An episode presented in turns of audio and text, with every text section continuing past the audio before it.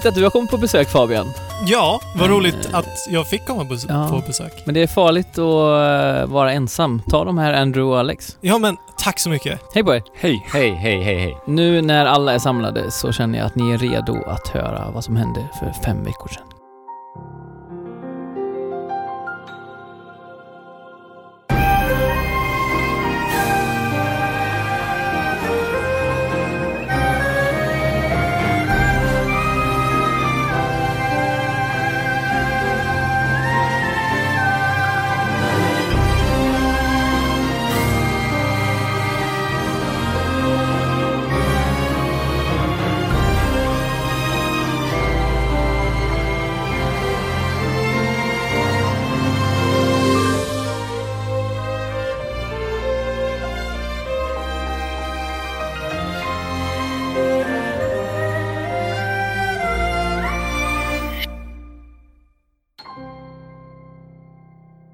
Där har vi tryckt på record och vi hoppar in i Trekraften Podcasts första spoilercast. Ska vi säga att det heter så? Mm. Ja, men vi gör det. För Ja, enkelhetens Det är skull. så man kallar dem. Ja. På någon sorts svengelska kanske. Ja. För podcast har väl typ Det är väl blivit också ett svenskt ord, Ja, fast det är ju anglisaxiskt också. Ja. Eller vad det heter. eller vad det heter. Ni kanske hörde en bekant röst där i inledningen? Ja! Jesper Englin. Mm. Välkommen tillbaka. Tack så mycket. Det känns fantastiskt. Eller välkommen till mig Ja. snarare. Just ja, det. just det. Vi är ju på ditt kontor Precis. här på Sverok. Exakt. På uh, Stora Essingen i Stockholm. eh, med eh, utsikt över, eh, ja, en, eh, en väldigt vacker utsikt har vi ju Ja, här på sjätte våning. Det känns ju nästan som vyerna i Breath of the Wild. Ja, faktiskt. Lite. Jag känner att jag har en jättebra position här rakt ut över vattnet. Ja. Ser mycket trevligt ut. Jag ser några träd och hus. Blir sugen på att klättra upp i dem. Jag, Ja. jag ser ju vackra. Jesper framför mig. Ah, Och en fantastisk vy bakom honom. Ja. Det, du måste ha den bästa positionen. Jag tror det. Ja. Men vi ska inte spoila vilket spel som helst. Nej, utan vilket spel? Det är ju Breath of the Wild som Jesper, du recenserade det i, på, i Aftonbladet. Precis. Den eh, recensionen eh, var första gången på, jag vet inte hur länge, säkert nästan flera år, som jag köpte en papperstidning Aha. eh, för att eh, Läsa klippa, ut, ja, precis, Ja. klippa ut min egen recension och sätta upp på kylskåpet. Ja. Så den sitter där hemma nu uppsatt och det känns konstigt om- som liksom mångårig spelkritiker att bli så exalterad över att det, det känns som att, nästan som att man har skrivit i skoltidningen och sätter Ja. upp den liksom på, eh, på kylen. Men det kändes väldigt speciellt att få skriva den här recensionen så att jag gick ge- igenom halva Uppsalas eh, tobaksaffärer för att jag behövde eh, gårdagens tidning för att jag var, det var dagen efter jag Ah, insåg ja. att, den- att Ah, den okej, just fanns i tryck. Jag visste inte ens att den skulle gå i tryck. Eh, så att jag fick liksom gå runt och leta lite överallt. Men till slut hittade jag den. Så att, Men är det första gången du eh, recenserar liksom ett så här kärt spel? Ja, det är det. Ja. Eh, det är det största spelet jag recenserat överlag tror jag, eh, intressemässigt och eh, vad ska man säga, vilken impact det har på spelvärlden. Eh, och också, som du sa, första gången jag recenserar ett spel som ligger mig så otroligt varmt om hjärtat. Pro Evolution-serien recenserar jag ju typ varje år nästan. Men Det, det är, lite inte mer arbete Ja, exakt. Det är inte riktigt samma sak ändå. Det släpps ju varje år och, Ja. eh, och sådär. Och det är inte riktigt... Det gör ju inte Zelda. Nej, det är det verkligen inte. Och framförallt inte ett, ett eh, Zelda av den här kalibern som vi Nej. kommer komma in på mer. Men det måste ju kännas väldigt härligt att mång, så många har, ändå har läst den recensionen. Hur många läsare har Aftonbladet? Eh, ja, alltså om man kollar på, eh, på ehm, webben så är det väl, eh, det räknas ju i alla fall i tio- tiotusental per, eh, per eh, dag liksom. Ja. Så att jag, det är oklart exakt hur många det är, men det, det når ju åtminstone Mm, jag vet inte hur många som köper papperstidning, men det är ju flera hundratusen människor som kommer nås av en recension i alla fall. Jo, precis. Det går väl att säga att det är Sveriges största dagstidning i alla fall. Ja, Mm. och en av de större spel eh, Ja. outletsen också online. Mm. Den riktar sig också mycket bredare än Ja. vad många andra gör, eh, vilket ju också är en fördel för att få in fler läsare och så. Och sen drar ju, eh, alltså, jag menar rubriken på min eh, recension som jag inte satte själv är ju, sätter en helt ny eh, standard för hela spelmediet. Ja, det var inte du som satt Alltså det står ju i ingressen i och för sig, Ja. så att, eh, men de drog väldigt hårt på den Ja. biten, så att eh, det är också en fördel eh, just att skapa intresse i alla fall. Sen kanske inte alltid en fördel som skribent för att man blir lite så här, ja, i det här fallet Ut, gjorde... utpekad. Ja exakt, men i det här fallet så gjorde det inte så mycket för att jag tyckte det stämde Ja. faktiskt ganska väl överens med... Jo, men jag håller med alltså. Det är Ja. inte ofta spel faktiskt gör det. Inte Nej. idag. Inte då? Mm. Inte idag. Nej, jag Men Jesper, jag måste ju bara säga så att eh, lyssnarna är med på vad fick spelet i betyg utav dig? Ja, precis. Det fick ju 5 plus. Det Ja. var väl den minst eh, eh, överraskande 5 plusan eh, i Aftonbladet spelas historia. Men jag inledde också recensionen med det att så här, jag är extremt stor eh, eh, jag har extremt stor kärlek till Zelda-serien Ja. och eh, här spelar det ingen roll för att det, det, man kan ju vara den största Zelda-kritiken i världen i princip och nästan ändå inse att det här är ett eh, ett, topp, ett spel som ska få toppbetyg. Ja. Jag blev nästan lite besviken att inte, att inte Level gav det 100 av 100. Eh, Det gav det 97 av 100. Okej. Vilket i och för sig Just är det. den exakta vet du, Metacritic, game rankings och Metacritic-scoren, så Ja. att de verkar ha haft fingret på pulsen där. Men, Jo men alltså det, fi- det finns ju lite saker som, som kanske inte är helt och hållet superklockrena till 100% ja, det är sant. i det här spelet. Men- Men, men vi kanske kommer till det lite Ja, senare. men Ja. 10 av 10 hade man ju gett det, eller Mm. ger man ju det, men inte 100 av 100 riktigt kanske. Nej, ja, eller ja, eller Ja, det, Ja. det där är en diskussion. Ja. Ni har ju pratat ju om det- för förra podden var det? Ja, Mm. Något sånt. Eh, Så det finns ju mycket att säga där, men ja, det är väl en, en sak vi kommer komma in på lite mer sen, hur vi rankar det totalt och hur vi rankar det eh, bland andra Zelda-titlar också. Ja. Ja.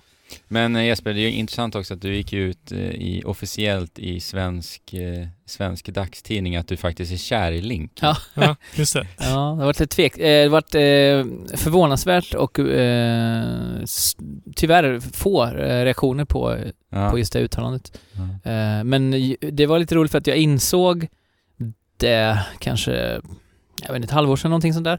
Mm. Eh, det är ständigt aktuellt med Zelda hemma och vi har ju en link, en eh, virkad linkfigur som står mitt på bordet här. Just det. Mm. Eh, Du har även en linkpin på på mig, ja precis. Och min son, min son eh, som är fem snart är också väldigt så här. han har stickers på sin, sitt fönster och sånt med Och heter Link. Nej. Ja precis, nej han, han skulle ha gjort det faktiskt på, på fullaste allvar om inte Elin hade sagt nej. Ja, han, hade, han skulle ha hetat Link. Han Ja. heter ju, alltså i mellannamn då. Ja. Han heter Nils eh, Karl Henry heter han. Men han skulle ha hetat Nils Karl Link Englin om han hade fått. Men, eller om Elin hade gått med på det. Men hon var ganska tydlig med att hon inte ville det och då, ja, Ja, det är ingenting okej. att pusha liksom. Nej. Nej men eh, jag kom, kom på det för ett halvår sedan då, eh, när jag funderade över så här, för jag, jag har alltid, Link har alltid varit min största, eh, liksom, vad ska man säga, ja, men den kar- karaktären som jag alltid har tyckt mest om i spel och förknippat mig själv med. Mhm. Mm. Eh, för att han är liksom väldigt omacho, ganska androgyn, Mm. eh, men också den här, fortfarande den här hjälten som man alltid drömde om när man var liten, den, jag, när jag köpte såna här pilbågar på sån här billig, billig marknad någonstans, Ja, och sprang runt med hemma på kullen där jag är uppväxt. Så var det alltid den hjälten jag var, fast utan Ja. att veta att det var det. Men nu, efter, nu efterhand har jag förstått att det var exakt den här karaktären som jag alltid har drömt om att få vara. ja. Precis samma sak för mig. Jag växte upp på eh, en hästgård och vi hade en jättest- ett jättestort fält eh, precis bakom huset som jag dagarna ända tänkte var Hyrulefältet när jag sprang, Mm. sprang över det och nynnade. Da, da, da, da, Men hur gick det när du skulle försöka hoppa på hästarna då? Eh, jag hade får där. Det där var inte så mycket hästar. Och jag är hästallergiker. Just det, det är också. Det var det jag ville komma jag till. Nej. Så att jag kommer aldrig kunna vara den Link jag är i Nej, mina drömmar. Sorgligt. fram tills att vi får eh, robothästar då. Ja, precis. Ja, och det kanske blir nästa Zelda, i och med att vi får se de Kanske. här eh, MC-bilderna på Link när Ja, just det. någon slags... eh, Just det. men mer om det senare också, Mm. för att, för att teasa lite. Jo men, eh, då så slog det mig att det var inte bara att jag, hade, att jag idoliserade honom, utan jag får lite så här känslor som eh, när man är förälskad i någon.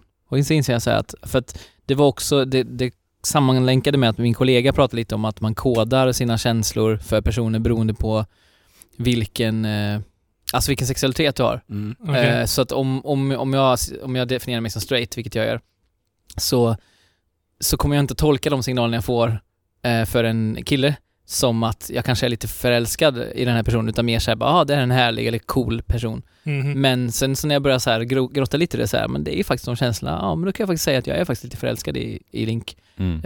Eh, vilket känns, ja det känns bra. Jag ska skaffa en tatuering snart också. Jaha. I love Link. Ja. Hjärta Eh, med pil igenom. Det blir nog en trekraft kanske, Ja. faktiskt. Ja. Faktiskt. Eh, så ni kan ju ta, ni kan ju ta det som att... eh, Precis, jag tänkte säga det. Då är det inte för, för Zelda utan Nej. det är för oss. Ja. Exakt. Men ja, det, det är ju ganska uppenbart att eh, i alla fall jag och Jesper älskar Zelda. Uh, vad har ni för relation till serien? Eh, ja, första gången jag kom i kontakt med Zelda var ju egentligen när jag var, jag tror det var fyra bar eller något sånt. Ja. Och pappa hade köpt en Nintendo. Ett Han blev NES. tipsad av en, tipsad av vår granne som faktiskt spelade. Pappa kom, vår farsa kom in från England. Just Ja. Eh, han kunde inte snacka så bra svenska när han kom hit. Så han började spela. Och i och med det så också började han spela Zelda. Så att jag satt alltid med honom och spelade hela första Zelda 1. Mm. Couch co-op då. Ja, Eller satt och tittade och hakade på honom. Eh, så att eh, det har aldrig, alltid funnits med mig. Mm. Och jag har fortfarande en sån här parfym som, ifrån, jag tror det var Jean Paul Gaultier parfym, så när mamma skulle gå ut, när jag känner den här doften idag, pappa sitter och spelar Zelda samtidigt som hon håller på att snygga till sig för att bege sig ut. Ja. När jag känner doften idag så får jag fortfarande tankarna tillbaks till första Zelda 1. Ja, vilket är helt sjukt att jag Härligt. har den kopplingen fortfarande. Ja. Mm. Mysigt. Ja, jag kommer också ihåg, vi hade ett NES när jag var väldigt ung och så fort jag kunde liksom jag hade motoriken att kunna kontrollera NES-kontrollen och så här, så, så Mm. började jag spela Zelda och Mario. Men jag spelade aldrig själv de första två Zelda, Nej, det kom- var ju egentligen med, i och med Link to the Past Ja. som jag började spela Jo, Zelda. Ja, det är intressant för jag har faktiskt inte, eh, jag ägde aldrig varken eh, Zelda, eh, originalet, eller eh, Link to the Past. Mm. Men Mm. båda spelen eh, har jag superdistinkta minnen av från att andra spelat det och det var nästan som att det eh, eller andra ägde eh, och jag fick komma dit ibland och titta på liksom och spela och kanske i bästa bästa fall testa själv och det, det, det förstärkte nästan liksom bilden av det här mystiska och det här Mm. episka att jag, det var inte riktigt, jag, jag kunde inte nå dit riktigt liksom. Nej, precis. Men, Men en, återvärt. ja, en traumatisk upplevelse med det ena Zelda var ju att jag lånade då eh, original eh, 8-bits Mhm. Zelda av ehm, min kompis Mattias och eh, hans mamma hade, hade liksom ehm, ja, spelat flera varv och var, hade liksom super eh, powerlevelat konto och jag som kanske åttaåring fattar ju inte hur, hur sparsystemet Nej. funkade. Så jag eh, wipade hennes Nej, spar. Nej. Så eh, ja, det var jobbigt sen när det uppdagades att, att det var jag som hade gjort det. Ja. Då hade man svårt att sova på Ja, jag flera nätter efteråt. st- stackars. Nu kommer jag också på ett gammalt minne, när, Ja. faktiskt när, när farsan spelade just Zelda. Så skedde det just en olycka med Nintendot. För det här, vi spenderar väldigt, väldigt mycket tid med Nintendot. Och det är en gång när jag faktiskt går i sömnen och pissar ner hela Nintendot. Men- det går sönder. Var inte det Super Nintendo? Nej, det var Nintendo. Det var det. Ja, för Super Ah. Nintendo köpte vi när vi, När du hade kissat sönder det första. ja, eh, så det var, den pajade där. Dramatiskt.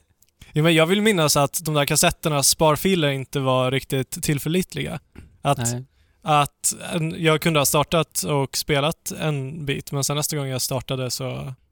Det, det, det var ju batteridrivet. Mm. Ja, och det var ju ett- endast ett fåtal NES-spel som faktiskt hade sparfunktioner i Ja. sig. Annars var det mycket lösen, Koder lösenord. Ja. Precis. Megaman style. Andrew, nu. Eh, ja, alltså för att förtydliga så är du och jag bröder. Alex. Ja, det stämmer. Så du fick eh, uppleva den här traumat med den nerkissade Precis. Ja. Jag är så ung nu, Ja, inte var ju typ ett år då. Ja. Men jag har väl typ lite liknande relation som Alex. Suttit bredvid och tittat. Mm. Eh, och faktiskt eh, så Link to the Past är väl också det första Zelda-spelet jag spelade eh, själv Mm. i sin helhet. Och det, jag har en liknande känsla med Link to the Past som jag faktiskt hade med World of Warcraft. Eh, och det är det att det var nästan tortyr för mig för att Link to the Past var ett sånt spel som jag tittade på väldigt mycket Mhm. och hela tiden själv ville spela.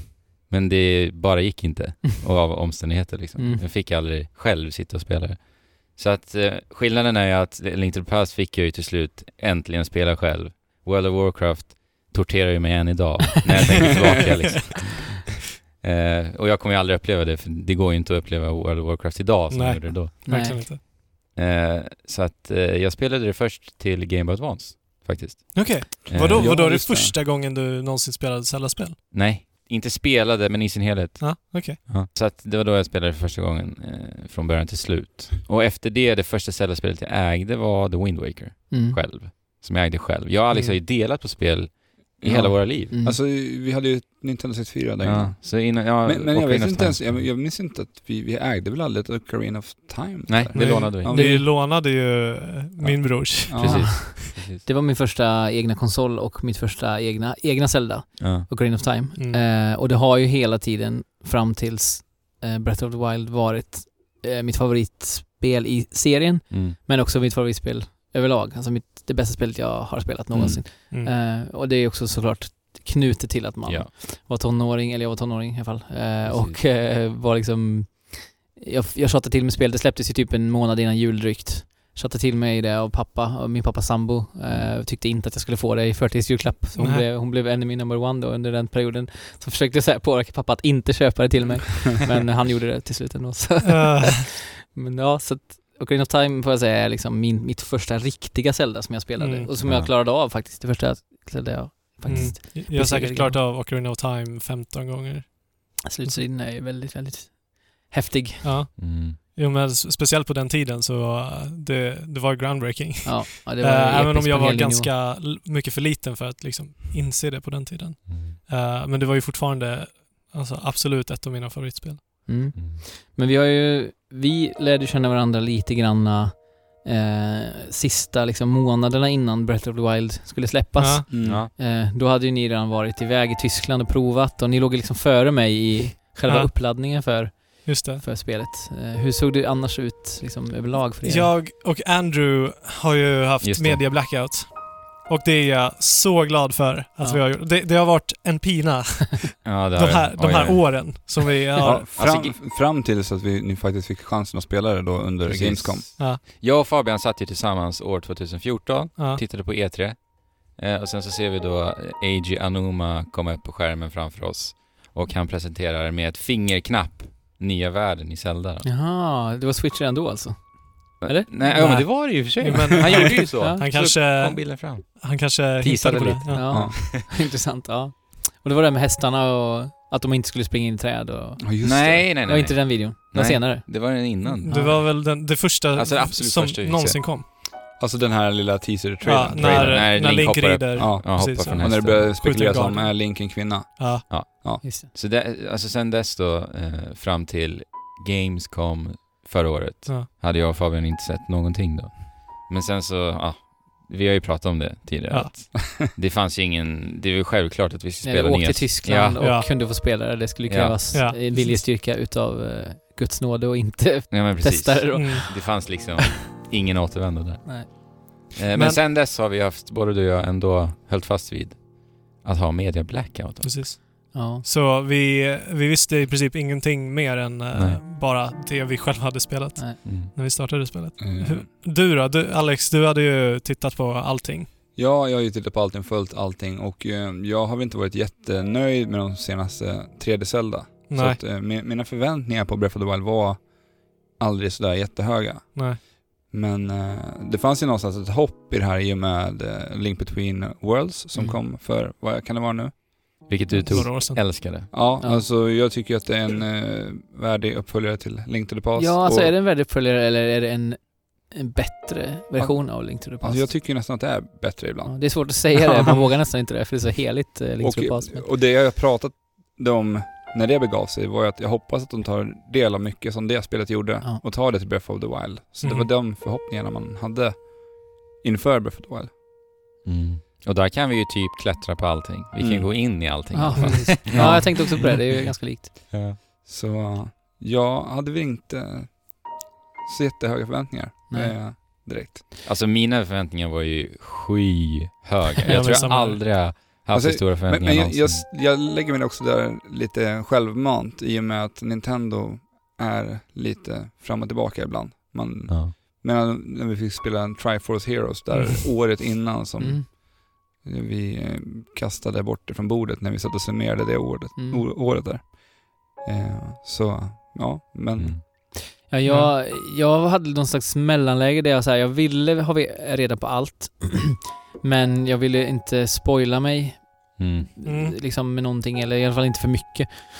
Men jag, jag kommer ihåg under E3 förra sommaren då, när, det, när de började visa eh, i princip allt. Ja, då när eh, Nintendo enbart hade just Ja, exakt. Så Treehouse spelade liksom timtal med, eh, med Breath of the Wild. Så tittade jag.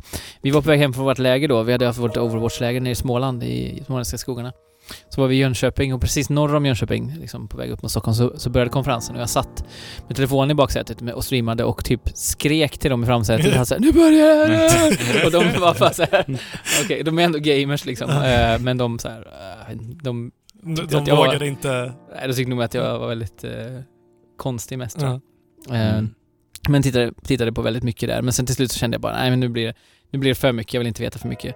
Eh, och det, det som är så häftigt ändå tycker jag, att jag såg ju liksom säkert minst en timmes material därifrån. Mm. Ändå blev jag jätteförvånad när jag spelade spelet över hur, det var, hur, hur spelet funkade Ja. och eh, Mm. vad, det, vad det innehöll och allting. Men mina förväntningar var ju också jätte, jättehöga för att eh, nästan enbart faktiskt för eh, de- designen på, på Link Ja, eh, och på världen. Mm. så bra design. Ja, för jag visste direkt att så här, okej, det här ser ut som en Studio Ghibli-film. Det räcker för mig. Spelet kan vara halvdant. Jag kommer ändå njuta omåttligt mycket av Mm. att spelet ser ut så här. Att Link ser ut så här. Hans hår ser ut så, Ja. på det sättet Mm. han gör. Och han kan byta frisyr genom att man sätter upp olika... Bara en sån sak var, det låter kanske banalt, men jag tyckte verkligen att så här, åh, Link kan ha olika frisyrer och han ser otroligt cool, eh, söt, allting ut Ja. liksom. Så jag började, jag, Snygg också. Ja, snygg. Eh, det var liksom, förväntningarna var på max. Eh, och det är orimligt att de, eh, att de överträffas på varenda punkt. När jag känner att jag så här, om man tittar på en termometer så är jag liksom högst upp på termometern och Ja. det finns ingenting kvar. Ändå Ja. så, så lyckas själva Ja. spelet liksom pressa över den gränsen ändå på något sätt. Mm. Jag vet. det är otroligt. Och sen så sågs vi ju på Bergsala-eventet också, Ja. där, eh, ja, ni, ni behövde ju inte köa eh, för ni hade redan spelat, men jag stod sist, jag ställde mig sist så sent man Ja. kunde ställa sig, stod en och en halv timme i kö och var sista personen på hela eventet som fick spela eh, Breath of the Wild och det var ju nära att jag inte fick det, det var ju Ja, precis på året att jag precis. kunde. Eh, Men det finns väldigt, video. Väldigt, ja, det finns Ja. det ju. Videomaterial Ja, på det. Ja. när Jesper spelade här. Ja, det var ju värt de där Ja. en och en halv timmarna. För det kändes ju som att föda ett barn. Eller få Ja, ett precis. visst barn. Att, eller exakt. det Få ett, få ett, ett barn, ja, barn. precis. Jag har, jag har två, så att jag har liksom erfarenhet av hur det känns. Och alltså de första veckorna efter eh, alltså, första, första liksom två veckorna, tre veckorna nästan Mm. efter spelet hade släppts, så kändes det fortfarande lite grann som att, han, att man hade ett nytt barn hos Mm. sig. Ja. För att det var den där pirriga känslan av att man skulle få spendera tid med... Ja. eh, Det är med någonting, Ja. Alltså otroligt unikt för mig, har, har varit för mig med Breath of the Wild. Det är att varje gång jag ska börja sätta mig i spela spelet så har det pirrat i magen. Mm. alltså varenda session Ja. Tills jag jag, klarade av spelet. Jag har inte sen, känt sådana känslor sen, Sen jag var barn. Sen jag var barn. Nej. Nej, inte exakt heller. så. Det är den starkaste, eh, den starkaste känslan som Breath of, Breath Ja. of the Wild lämnar mig, eh, hos mig nu. Jag, jag kommer fortsätta spela spelet, men, Ja. men nu när jag summerar att jag har klarat av Ganon och så vidare så är just det där att jag kände på ett sätt som jag inte har gjort sedan jag var 8-9 år liksom. Och Mm. jag känner också att, det har vi pratat om förut tror jag någon gång, men det är den känslan jag alltid jagar när jag, eh, när jag spelar spel. Det är därför Mm. jag vill spela spel. Inte bara därför, men en av anledningarna är att man vill känna den här eh, känslan som man gjorde när man var barn, att eh, naiv, att allting är möjligt. Ja, det finns precis. ingenting som kan Mm. stoppa mig. Jag kan göra vad jag vill. Precis. Eh, Och det, det trodde man ju när man var liten mm. och spelade liksom Ocarina of Time. Då Mm. var det en oändligt stor värld med liksom... Ja, och man blev det inte fanns- besviken heller, även Nej. när man träffade på gränser. För, Exakt. för Nej, det, men precis. Exakt. det kändes gränslöst. Och det är ändå. det som gör det ännu mer imponerande att vi idag kan Ja. känna det. Ja, och liksom. lite det som också så här skar lite i mig första gången jag såg eh, You can't go any further. Det är det meddelandet som kommer upp ibland när man Jag, är på jag vissa upptäckte det första gången igår. Ja. Jag upptäckte, jag, jag har inte ens upptäckt det. nej, jag upptäckte det första gången efter 120 spelade Ja, timmar. och då blir man lite så här. ah det finns en... det finns Alltså, en... Ja. Det är den enda gången Breath of the Wild säger nej till dig. Ja. Det är ju typ det. Ja. Mm. När Annars är det bara ja Men man har ett hopp om att Ja men när de släpper DLC så kommer den vägen också brytas. Så då kan man gå Precis. Ja. förbi den också. Men eh, ja, man blir ju... Jo, det, det, det är ju stora berg som eh, står väldigt lockande där över eh, de stora kanjonerna Ja, som begränsar världen. Eller typ en stark vind finns det på ett ställe och sådär. Mm. Men ja, det har verkligen varit den och jag tycker, jag, jag skrev ju det, vi, vi skrev ju det på, i vår Breath of the Wild Discord-kanal och på Twitter och allting hela tiden att så här, det här spelet får mig att känna så att jag är kär i någon. Det får mig att, Ja. jag kan bara tänka på det här spelet hela tiden. När Ja. jag inte spelar så tänker jag på det hela tiden. Ja, Och det har ju varit så. det har Ja, varit eh, verkligen så. Och då har vi pratat om också hur man har planerat vad man ska göra när man avslutar sitt äventyr Mm. för dagen. Hur man sitter och planerar. Jaha, vad ska jag göra imorgon nu? Ja. Ja. Har det där och det där att göra? Och för mig har det blivit väldigt mycket så som jag har spelat när jag spelar Animal Crossing-spelen. Att jag alltid har mina dagliga sysslor att göra. Mm. Så, har- så har jag tänkt lite med Breath of the Wild. Mm. Alltså att jag, jag, ska alltid, jag har alltid koll på vad jag ska göra olika Ja, saker planerat. Jag brukar till och med ställa, alltså jag brukar säga det till Elin för vi snackar om att ja, men ska vi gå och lägga oss nu liksom? Ja, vänta jag ska bara så här. jag ska bara resa dit, jag ska ställa mig på den här platsen och titta mot dit jag ska härnäst. Mhm. Och så att jag vet så jag bara kan så här, när jag nästa gång jag tar upp switchen och börjar spela så är jag på väg redan liksom. Så det känns verkligen som, så, som ett äventyr, man packar ihop, så här, Mm. kvällen innan packar man sin lilla matsäck och Ja. man liksom, Laga fixar- lite mat så Ja. att det är klart. ja. Precis. Och sen kan man ge sig iväg nästa gång. Alltså grejen är att jag, jag har spelat det här spelet i 145 timmar och jag har ju haft turen att eh, min flickvän totalt älskar det här spelet. Alltså hon älskar det minst lika mycket som jag. ja. Så vi har ju suttit tillsammans och spelat igenom hela spelet. Så att, eh, ja. Det Och hon, och hon spelar ju vanligtvis inte. hon spelar inte. Hon har ju blivit kär i Link förstås. Ja. Och Hon vill att jag ska vara som Link för övrigt. Ja. Så då blir det att du ska bleka håret, ögonbrynen, Jag, ta bort skägget. jag har mina planer. Och bli stum. Jag tror det är hon mest hon tänker på. Jag tycker att du pratar för mycket. Nej. Nej. Nej, men, Men- det, det har faktiskt varit väldigt, väldigt roligt. Måste jag säga. Ja. Det har nog faktiskt bidragit lite till helhetsupplevelsen måste jag Mm. säga. Det tror jag verkligen. Ja. Men, men, eh, ja, men jag tänkte säga det också. Jag uttryckte mitt, eh, min kärlek till spelet på Twitter och så. Och dels var det roligt för att jag, det var ju uttalat att jag inte skulle recensera det först. Ja. Effie sa att hon skulle spela det eh, och Effie Karabulla som min, min chef på Aftonbladet. Och jag har sagt till henne att jag vill inte recensera det för jag vill inte liksom, jag vill inte förstöra upp- upplevelsen för mig själv. Det måste vara helt ren liksom. Ja. Men så fick jag, hon kom in snett i det, hade inte tid riktigt och liksom kände att det blir bara en orättvis recension om hon skriver den. Så då frå- frågade hon mig ändå, fast hon visste att jag egentligen inte ville. Och då sa jag till henne, jag kan göra det på ett villkor liksom, att det är att jag får spela det exakt som jag vill och sen får jag recensera utifrån det. Jag kommer inte pusha main story eller någonting. Liksom. Ja. Eh, och sen hann jag ändå spela rätt många timmar så. Ja. Men i alla fall, jag twittrade om min kärlek till spelet eh, väldigt mycket in- inledningsvis innan jag började recensera det och då var det någon som svarade mig på Twitter att så här, mm, det låter som du håller på att få en psykos, du kanske borde kolla upp det där. Ja. Jo, men alltså vi var ju i psykos. Ja, Alltså, i, nej, nej, men det kändes verkligen så. Gick runt i typ eh, en gegga ja. i, liksom, i alla fall den första veckan. Ja. Och bara log. Mm. Som, som man var ja vi, vi sa ju det, vi hade ont i käken alltså i helgen efter nästan. För att, Vi räknade ju ut, när du, din första Zelda-vecka, mm. du hade ju spelat, vad var det, typ 120 timmar första veckan? Eller var det 100? någon- nej, jag tror det var 90 något sånt där. Och det hade ju varit ett eh, jobb, heltidsjobb då Mm. med en herrans massa övertid på. Mm. Bara Ja. Zelda. Och, och så har du ditt van- ditt vanliga jobb utöver det. Ja, men grejen är att alltså, det var ju inte, det var inte planerat att det skulle bli så här. Men Nej. som sagt, på, på grund av att min flickvän också ville spela hela tiden så blev det, alltså dagarna, vi satt ju bara Alltid. sp- Ja, alltid var bara Zelda liksom.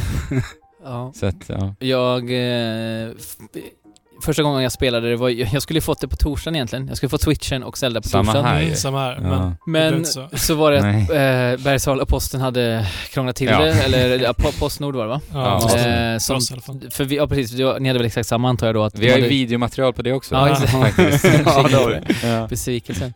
Eh, eller ni jagar en lastbil. Ja, Ja, precis. Eh, men, eh, ja men de hade satt det som företag eh, på mig, eftersom att jag är frilansare. Ah, okej. Och sen så, ja nej det var en privatperson, så då blev det liksom, Det- när de upptäckte det, Aha. så tar den processen att styra om alltihopa ett dygn. Nej. Så det Nej. var bara att det stod så här. Eh, hade det stått eh, firma Jesper Englin, hade det stått Ja. ett ord till på, på liksom eh, fraktsedeln så hade, det, hade jag fått den på torsdag. Och jag Ja. hade ju jag hade ju fått besked om att jag skulle få den på torsdag. Det stod ju på i Postnords app liksom att ikväll kommer den liksom.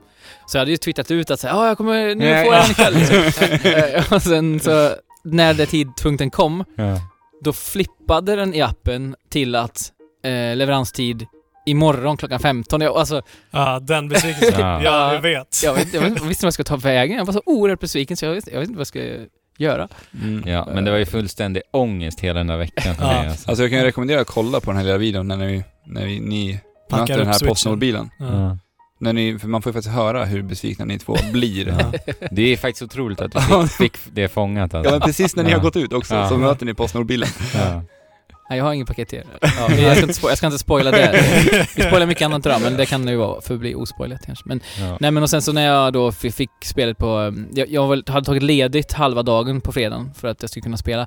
Och sen så var det ändå så här att det kom inte förrän klockan tre och vi skulle hämta vår son på förskolan liksom en timme senare. Så att jag hann bara, det enda hann göra var att jag hann sätta upp switchen, eh, sätta i kassetter. Nej, jag hade inte ens gjort det. Jag bara satte upp switchen på wifi och allting. Och sen fick jag, fick jag åka hemifrån och så visste jag att jag kunde inte spela förrän liksom på kvällen, Ja. men så skulle Elins familj komma, så egentligen var det först på typ söndag kväll jag kunde Ah, spela. Det var otroligt...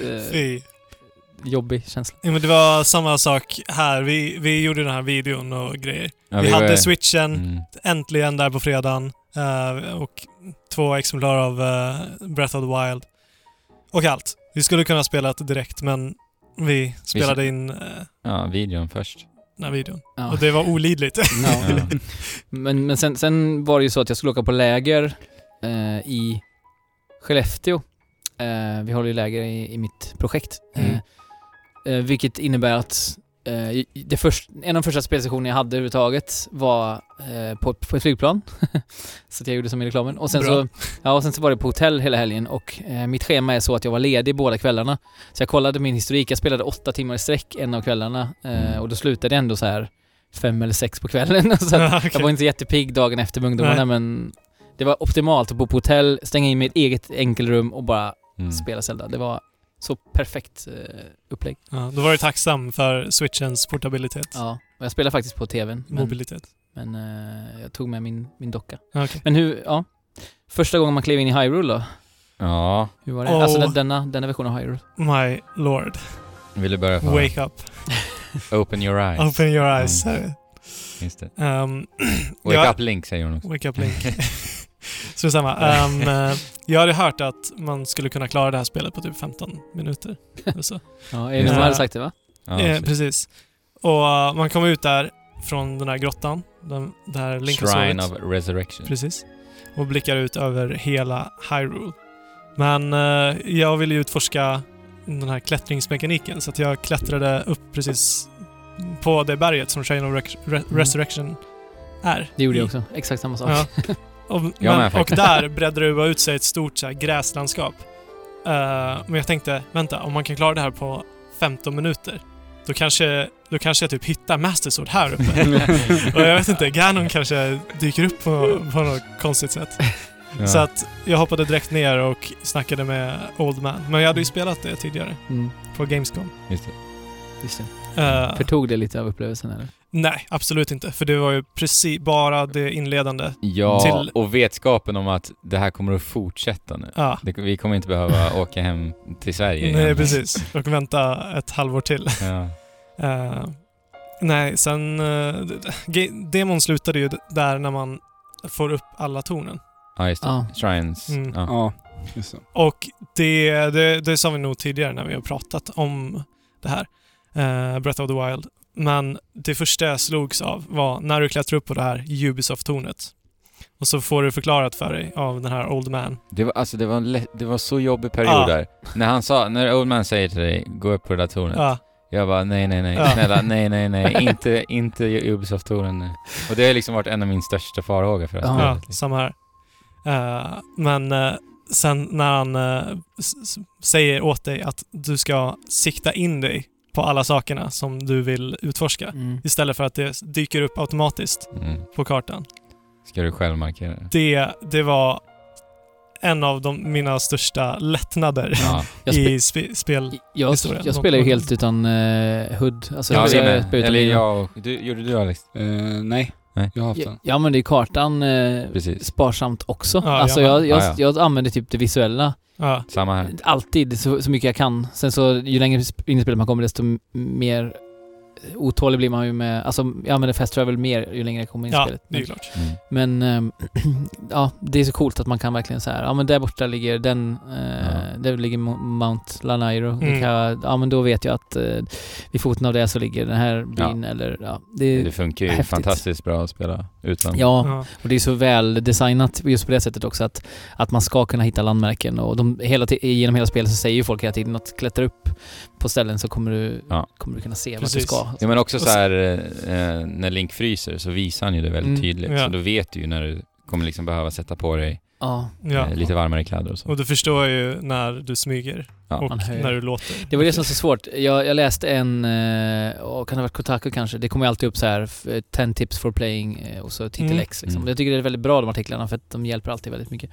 Men det var så svårt för att eh, jag, det var innan, det var liksom på den fredagen där när jag s- inte kunde spela spelet utan bara kunde liksom så här veta att om två dagar kan jag spela det. Så jag Mm. ville ändå f- få någon, någonting av Något Breath of the Wild till upptäcka, mig liksom.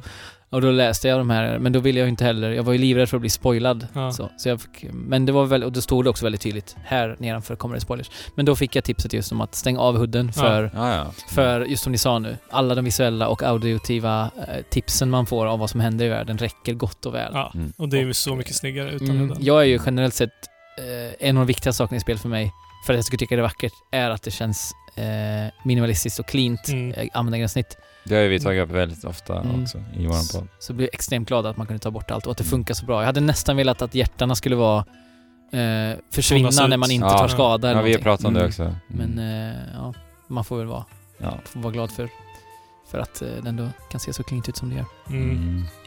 Ni då, er första spelsession? Eh, Min första spelsession var, den var ju, vart inte så jättelång faktiskt. Och det var just för att vi fick ju switchen på samma dag. Mm. Så det var ju att man stod och visade upp One to Switch för, för eh, sambon där hemma. Mm. Ja. Och sen var det att man bara, i första sessionen så drog man bara runt här på den här Great Plateau som den Ja. heter. Great Och eh, testade på den här shrine, shrinesen. Så det var det jag gjorde fram till att man får den här uh, paragliden. Mm. Och sen så ställde jag mig på tornet, stängde av det för kvällen och sen så... Okej, men du Fick- spelade ändå igenom hela Great Plateau första? Ja, Mm. Det, var det jag gjorde. Jag, jag körde bara rakt på de här, för jag ville ha den här paragliden. Ja. Mm. Jag, jag tror att på många sätt så har jag fått en fullständigt optimal genomspelning av Breath of the Wild. För det är många gånger jag har pratat med andra människor om det här hände mig, säger jag. Och så Mm. verkar den personen inte upplevt det. För Mm. mig har det varit som att, att det är skriptat. Alltså, det har känts som att det här har liksom har Nintendo velat att jag ska göra. Ja, Och sen, har, och sen har jag märkt att nej, det är inte skriptat. Jag har Nej, bara råkat precis. ramla in i den perfekta upplevelsen typ. Och det har hänt mig säkert en handfull gånger som jag Ja. känner bara oj. Ja, jag har bara haft supertur. Plus att designen är bra så att man lockas in i de här situationerna. Men, Precis. men jag menar, första gången jag verkligen spelade spelet på allvar så gjorde jag som du eh, Fabian, att jag hoppade upp på eh, liksom så här. okej nu ska vi testa vad det här spelet verkligen går för liksom. Mm. Hoppade upp på baksidan på Shrine of Resurrection. Såg eh, det här eh, ehm, toppen, vad heter den? Det, fin- det är ett namn på den där lilla toppen där. Det, det är en, vin- en fjälltopp Ja, typ. Eh, så man ser att det är ett högt berg som är väldigt kallt. Så tänkte jag okej dit ska jag ta mig. Ja. Jag tog en liten detour längs det, jag vet inte om jag tog ett shrine först kanske. Och sen så eh, hittade jag lite spicy peppers och lagade dem bara för att så här, jag ville testa hur det, hur det var. Mm. Sen insåg jag efter, i efterhand att okej, nu kan jag ju klara av kylan tack vare att jag har använt de här spicy peppers. Jag visste inte det. Nej. Ehm, och då tänkte jag så här, okej nu, eh, nu ska jag sätta sikte på den där fjälltoppen som jag verkligen såg det första jag gjorde i hela spelet. S- eh, och sen så finns det ju, jag vet inte vilken väg ni tog dit upp, men det finns ju de här ehm, eh, det är en väldigt stor kall flod. Som Mm. man, Antingen tar du över den eller så går du runt den. Ja, precis. Och Mm. jag såg att det fanns så här, eh, små pelare eller stenar eller vad det är som man Ja. kan hoppa över. Men tanken är att man ska använda den här magnesis för att lyfta Precis. en eh, Ja. En Dörr. Och göra en bro. Mm. Ja, men jag, jag hade ju inte den kraften än liksom, eftersom jag inte tagit det shrinet. Så Ja, just det. jag lyckades så här, det kändes som att jag fuskade liksom. Som, Mm. som det gör i spelet i början, att man tänker att det här kommer inte gå. Ja. Eh, och så hoppade jag på de här. Jag dog, ramlade ner i vattnet och dog. Tänkte, ah, men jag testar en gång till ändå. Det ska, det ska kunna gå. Det ser ut som det kan gå liksom. Mhm. Eh, lyckades här, som sagt, fuska, fuska mig över. Eh, hade några minuters eh, skydd kvar mot kylan. Mm. Klättrade upp då till den här to- fjälltoppen. Ehm, där, när jag kommer upp dit, så står... Jag vet Old man där. ja, precis. Ja. Kungen, som Ja. det sen visade sig vara. Och bara så här, aha, tog du dig hit utan eh, eh, några hjälpmedel? Eh, ta den här wa- Warm Dublé Ja. så, så, som belöning liksom. Ja. Och då kände jag så här, vad, vad Ja. är det för Ja, häxeri liksom? Mm. Jag, har, jag har liksom brutit spelet, men istället så har spelet sagt att belönat dig. Ja, den har Ja. sagt så här, aha, bra jobbat. Här får du en, eh, en, en ja det var ju första, det var ju, för mig kändes det hur episkt som helst Ja, att få ett, ett, jag menar man har ju typ en trasig tygskjorta på sig. Plötsligt hade jag så här en grej som gjorde att jag kunde röra mig hur jag ville. Det kändes som att jag hade hela världen Mm. för mina fötter när jag fick den där. Och just det här upplevelsen av att wow, de hade tänkt att jag skulle göra så här. Ja, fast jag kände själv att haha, nu kommer jag bryta spelet här liksom. Jag Ja. hade nästan, Det händer ju ofta i det där spelet. ja, så det Ja, var, det var det första jag gjorde. Så, och sen var det bara så här. Wow, det var helt Ja. knockad efter det. Men Ja. alltså i, i andra spel så skulle du komma, kommit upp dit och det kanske hade varit en fin vy, men ingenting annat liksom.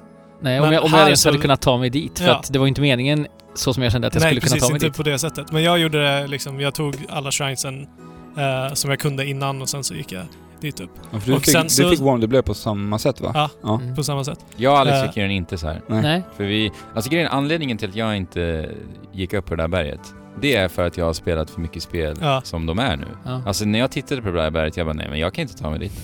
Och sen gjorde jag inte det. Nej. Det var ju bara därför liksom. Men sen, Sen efter ett tag så fick jag ju reda på att allting går i det här spelet. Mm. Ja. Praktexempel också. Första eh, vattenfallet jag tog mig bakom Vart var det? blev jag där också på För Great det, ja, för det skrev du till mig och jag, sen dess har jag letat efter det där vattenfallet. Ja. Det, det är ett vattenfall där som du kan eh, gå bakom och så får du alltså svärd som är bra Mm. för Great Plateau. Det finns en shrine bakom ett vattenfall också. Mm, det två finns- stycken till och med. Ja, jag vet inte. Kanske något till. Mm, jag tror det är två. Ja, just det. Du har tagit alla. Mm. Men det Ja. belönar ju liksom verkligen eh, utforskande och Mm. nyfikenhet Ja. hela tiden. Men, och det är ju verkligen det som du sa där, att man tar sig upp på, på ställen och förutom att man får belöningen eller så här, förutom att man får en, en fin vy som man får i andra spel så får man också en Mm. belöning. Men- på tal om det här med vyer, det är ju verkligen... För mig har det varit eh, en av de sakerna som jag har eh, njutit allra mest av i spelet. Mhm. Mm. Att utforska så, såklart nyfikenheten, men framförallt vad det leder fram till. Att Mm. man hittar platser som känns som att... Eh, ja, för det första är magiskt vackra, men också känns lite som att, att man är den första att få se. Ja, det här är så coolt med det här spelet tycker jag, för det känns ju som att alltså, alla äventyr man ger sig iväg på känns ju unika för dig Mm. liksom. Som att du är den enda i hela världen som upplevt det här. Ja. Och visserligen är det ju lite så, för att varifrån du kommer och hur du upplever det liksom, eh, blir ju väldigt unikt. Men jag får den känslan liksom väldigt ofta hela tiden. Mm.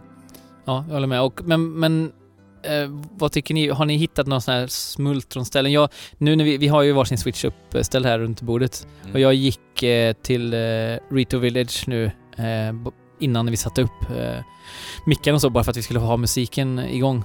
Eh, men jag tänker lite på favoritplats. Jag, jag tror nog fortfarande att eh, Mount Lanayru är min favoritplats. För första gången jag kom dit, det var ganska tidigt ändå. Jag hade, eh, jag valde stamina ganska tidigt för jag förstod att eh, hjärtan kommer ändå one-shotta mig länge liksom. Så det är lika bra att jag tar stamina och tar mig upp. Så, så det, jag, jag kände som att, lite återigen, att jag var nästan där före man borde vara där. Mm. Och det var också den här Lionel som är där som man får Ja, just eh, smyga förbi. Just det. Eh, eller man kan gå runt. Men, eh, men när jag kom upp där, för jag insåg att jag ville tidigt spelet se så mycket jag kunde av världen. För jag tyckte den var så otroligt vacker. När jag kom upp där, på riktigt, det låter som jag hittar på, men jag stod där i 10-15 minuter och bara tittade ut. Mm. Jag bara tog bilder på bilder på bilder. Jag bara tittade ut och bara... Alltså det var som... Jag var tvungen att dela med mig. Jag, jag twittrade ut bilder, jag skickade bilder till min, till min fru på eh, liksom screenshots. Där. Och de- dels är ju screenshotsen hårdkomprimerade i switchen. Ja. Och dels blir det ju jättefullt när man tar en bild med mobilen. Ja. Men jag var ändå tvungen liksom. Och jag, skickade, jag tror jag skickade till och med i er grupp liksom. Jag bara Ja. så här, Mm. jag måste dela med mig av det här. Stod jag bara tittade på ut från berget eh, och bara söp in hur magiskt allting såg Ja. ut. Eh, har ni, hade ni någon sån så här plats som ni kände bara tog andan ur er när ni kom dit först? Eh, nästan. Alltså, när första gången jag eh, var vid första stallet uh, vid den där uh, Duel, Dueling Peak. Dueling Peaks, Mm. bortom Dueling Peaks. Mm. Så eh, det första jag gjorde var att klättra upp på Dueling Peaks. Och från Dueling Peaks så kan du titta ut och se eh, det här laboratoriet högst upp på Hateno Village. Och det, det ser ju väldigt flummigt ut. Och då fick jag så här. Ska jag dit? Det, det kändes så liksom sagolikt och Mm. äventyrligt. Och det...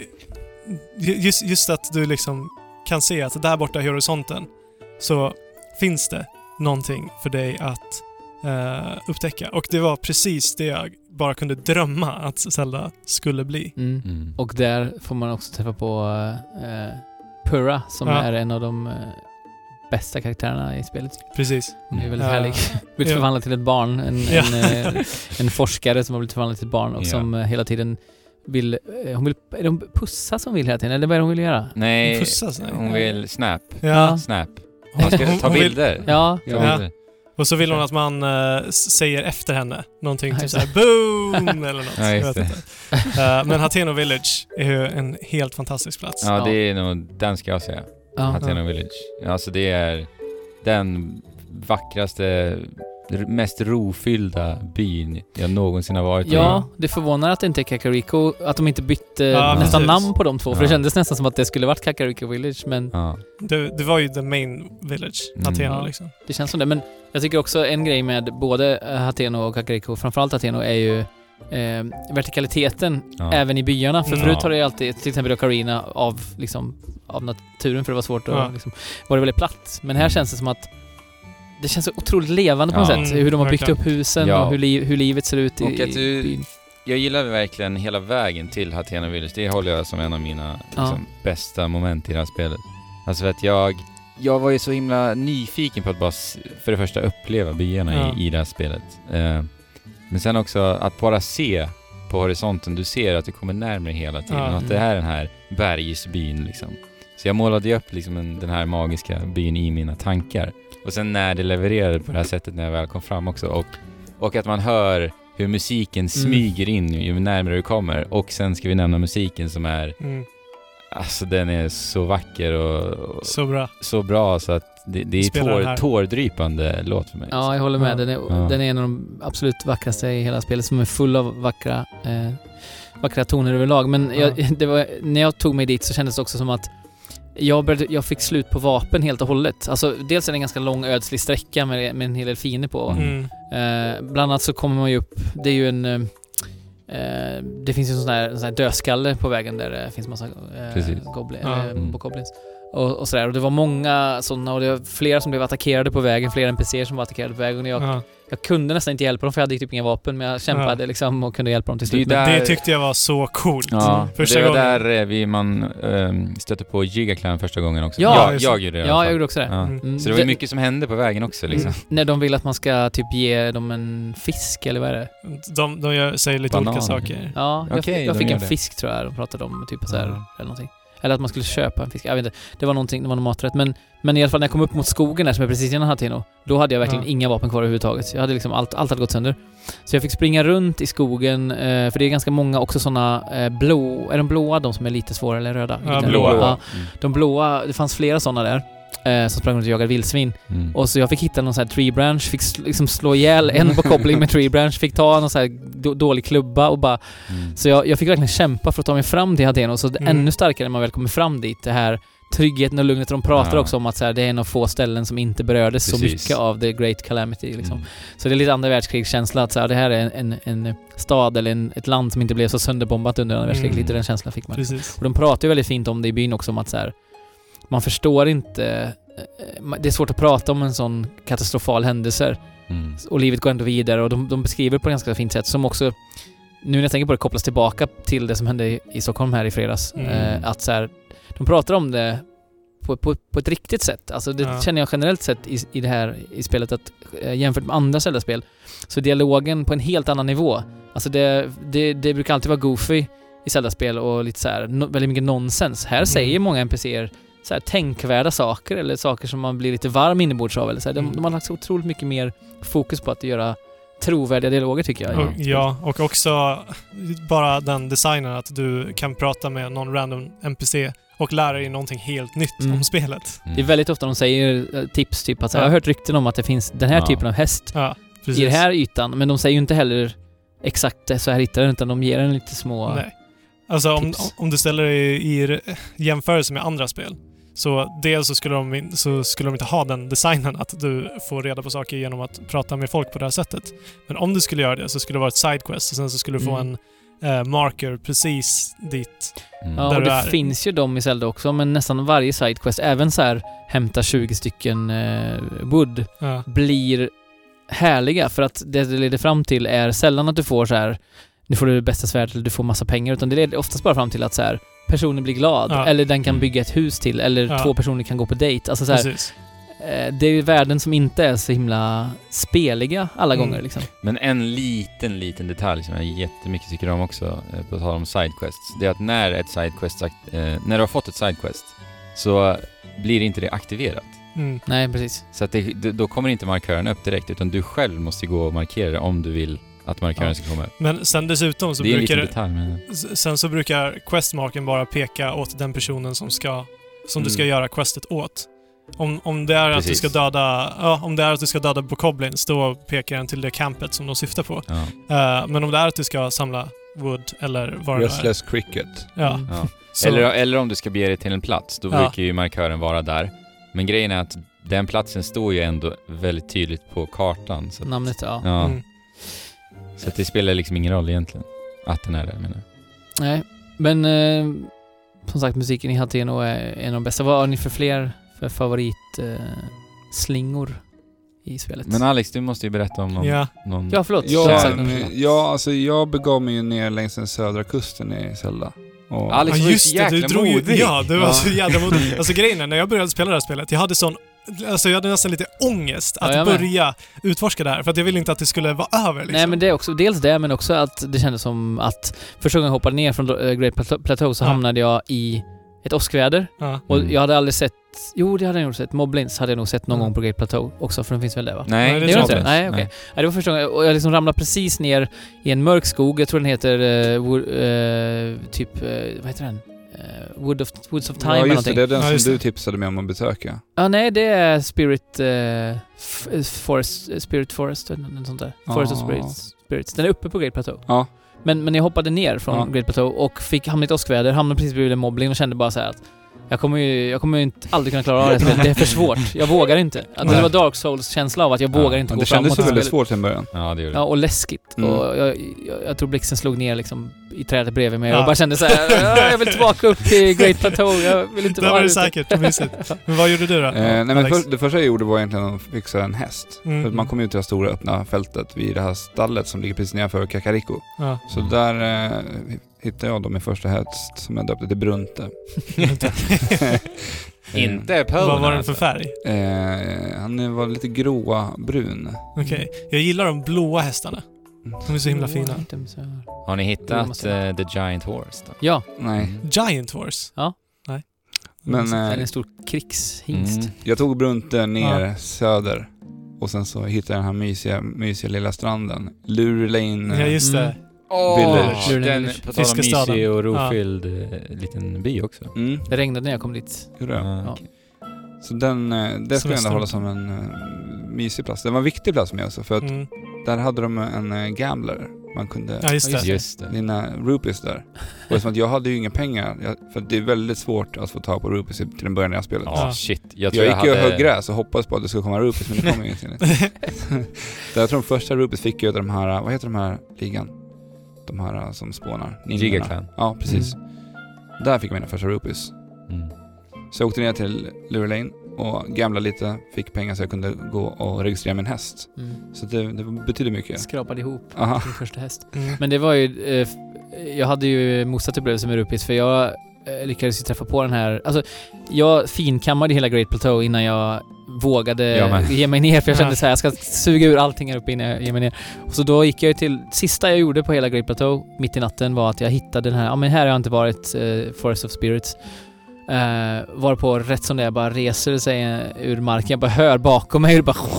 Så bara Ja, kommer just det upp det. en stor sten... Uh, och det är de här, vad heter de? Eh, de har ju något namn. Talus. Ja, precis. det. Talus ja. Ja. Du har aldrig sett den förut liksom? Eller? Eh, Ja. ja. Talus ja. Ja. Eh, och den, när man slår sönder den så får man ju rätt mycket ädelstenar. Ja. Och när jag sålde dem så bara Oj, nu har jag 800 rupees. Hur ska jag någonsin kunna göra av med de här Ja. pengarna? och sen inser man att... Ja, Ja. jag vågade inte sälja några ädelstenar. Nej, det är jag ganska samma- långt in i Nej, spelet. jag håller med. Det Jag tog var, tiotal timmar. det var samma sak. Att jag, jag, jag var väldigt rädd för att om jag skulle göra det, men till slut bara kände jag att nej, jag behöver pengarna. Så- Jag, jag googlade faktiskt det där, bara för jag ville veta, kommer jag Ja. behöva det här någonting? Men man kan göra elemental-grejer med dem va? Eller?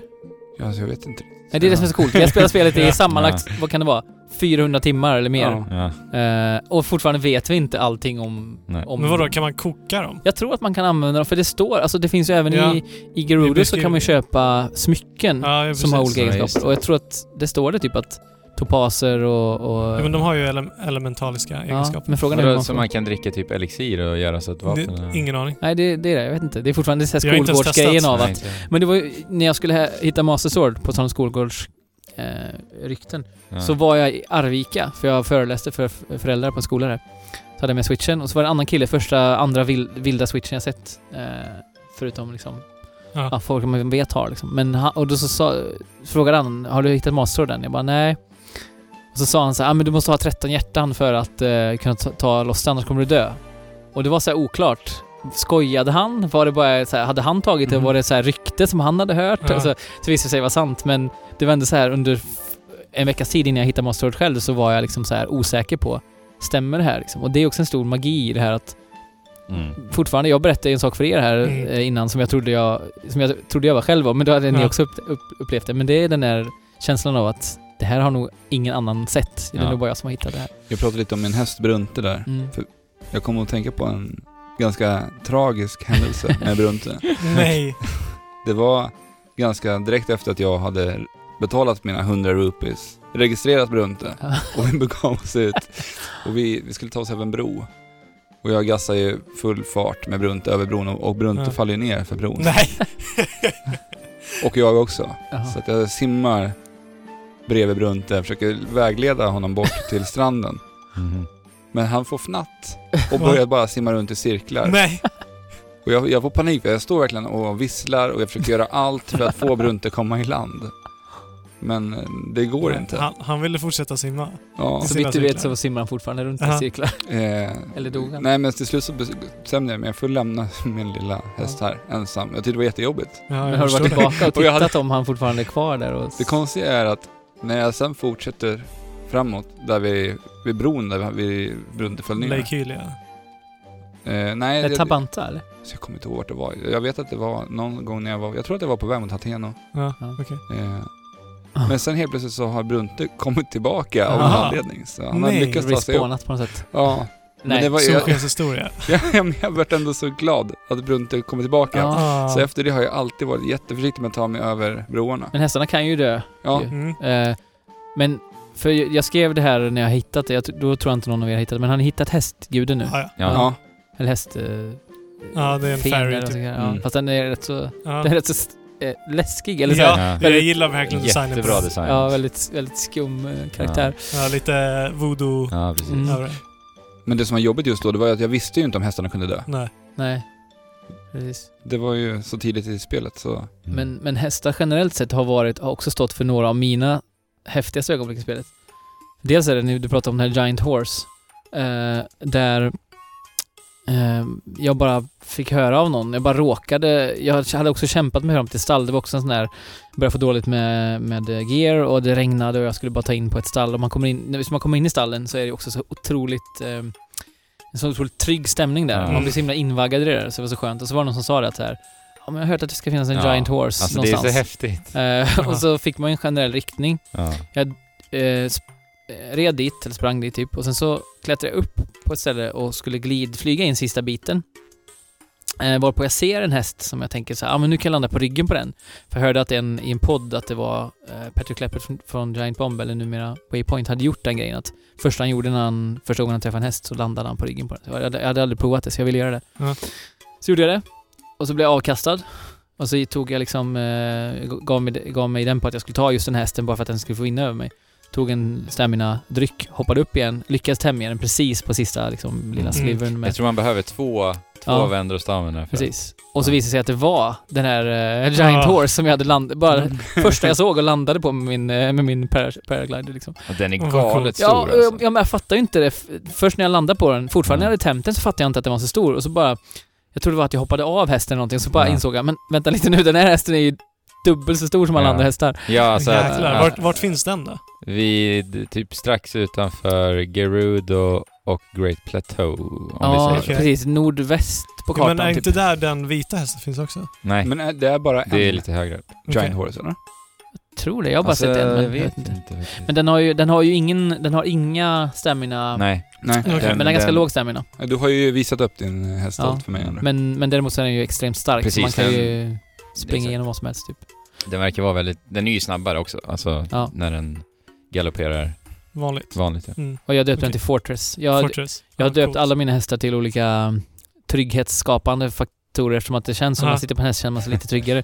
Så den första heter Shelter, den första hästen, och sen så heter de olika teman så här. Ja, Haven fint. och lite olika sådana saker. Mina hästar heter ju förstås vad min flickväns hästar har hetat och heter, för hon är hästtjej. Vad heter de? Vad heter de? Har de några roliga namn? Eh, Bacchus fick den här Ja. stora hästen heta. Känns som ett klassiskt hästnamn. Ja, sen Mm. har vi Dollar, Lavina och Gumis. Mm. Det är bra, det är bra Gummi. hästnamn. Ni då? Eller du Ja. då Fabian? Eh, jag har faktiskt bara två hästar. Eh, jag kommer inte, faktiskt inte ihåg min, vad min första häst hette. Men sen så fångade jag den där vita hästen. Mm. Och tråkigt nog hette han Legolas. Ja, det är fint. Det är också klassiskt. Vet ni vad? Jag har faktiskt en häst som heter Epona också. Ja, du har det? För att jag har ju då skannat in en Amiibo. Just det. Eh, och det är lite, alltså bara en liten, liten detalj, men alltså att om vi, om du går för att registrera Epona, när du har kallat in henne med den här Amiibo-run, Mm. eh, då, då säger stall, stallchefen till dig då, men hörru, du, du kan ju inte, förstås inte byta namn på en legendarisk häst som Epona. så man får inte byta namn på Nej, henne. man kan inte det ens. Men man kan ha flera Eponas, är det inte så? Man kan typ scanna den flera gånger och få in... Det vet jag inte. Eller kan- det kanske var en bugg, jag tyckte jag såg att... Ja, jag vet inte. Jag Men det är coolt. Det finns ju så många sådana här små grejer som... Som i ett av minnena där Zelda pratar så säger hon ju...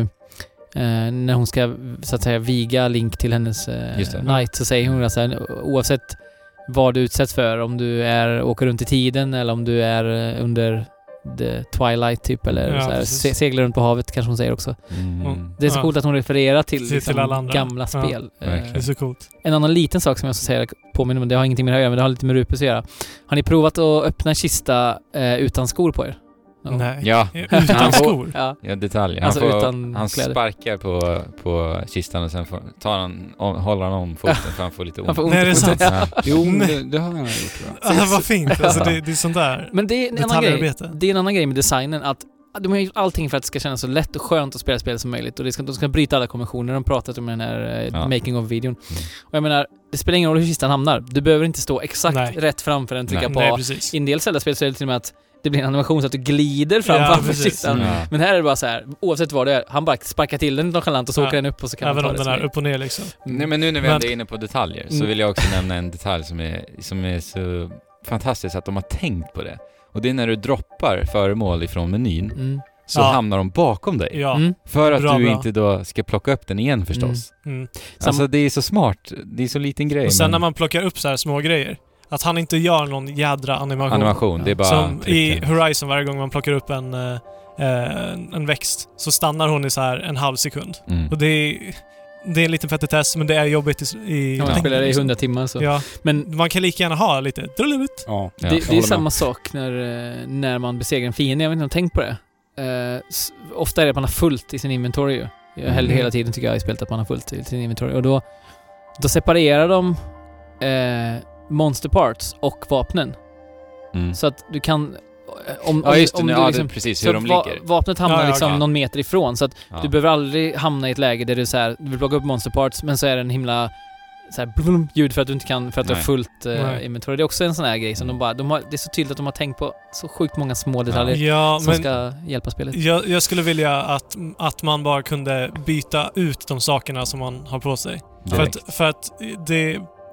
Bland det största, kanske det största irritationsmomentet i det här spelet är när du hittar ett bättre vapen eh, än vad du har. Mm. Så måste du gå in i menyn Mm. eh, och kasta bort det. Det är här man märker att spelet är gjort för Wii U från början. Mm. Ja. Och tanken är att man ska ha det på gamepaden. Just det. Men de strippade ut alla de funktionerna även på Wii U för Ja, att de inte ville typ... Ja, de gjort det. eh, Ja. Ja, för att de inte ville att man skulle uppleva den versionen som bättre typ. Så Exakt. de tagit bort. Till, då tog de till och med bort den här funktionen man ska spotta allting som de visade på Jag tror inte E3. man kan använda skärmen Nej, jag tror inte det heller. För de hade ju att det skulle vara kika-slaten då, Ja, gamepaden, där man skulle kunna... Precis, men det är roligt för nu, den ser ju verkligen ut som en... Eller det är ju en switch liksom. Ja. Ja. Inte, för hur ser den ut på Wii U-versionen? Det är en switch där också antar jag. Ja, det är likadant. Det vore sjukt om de hade gjort olika kika-släkt för de Mm.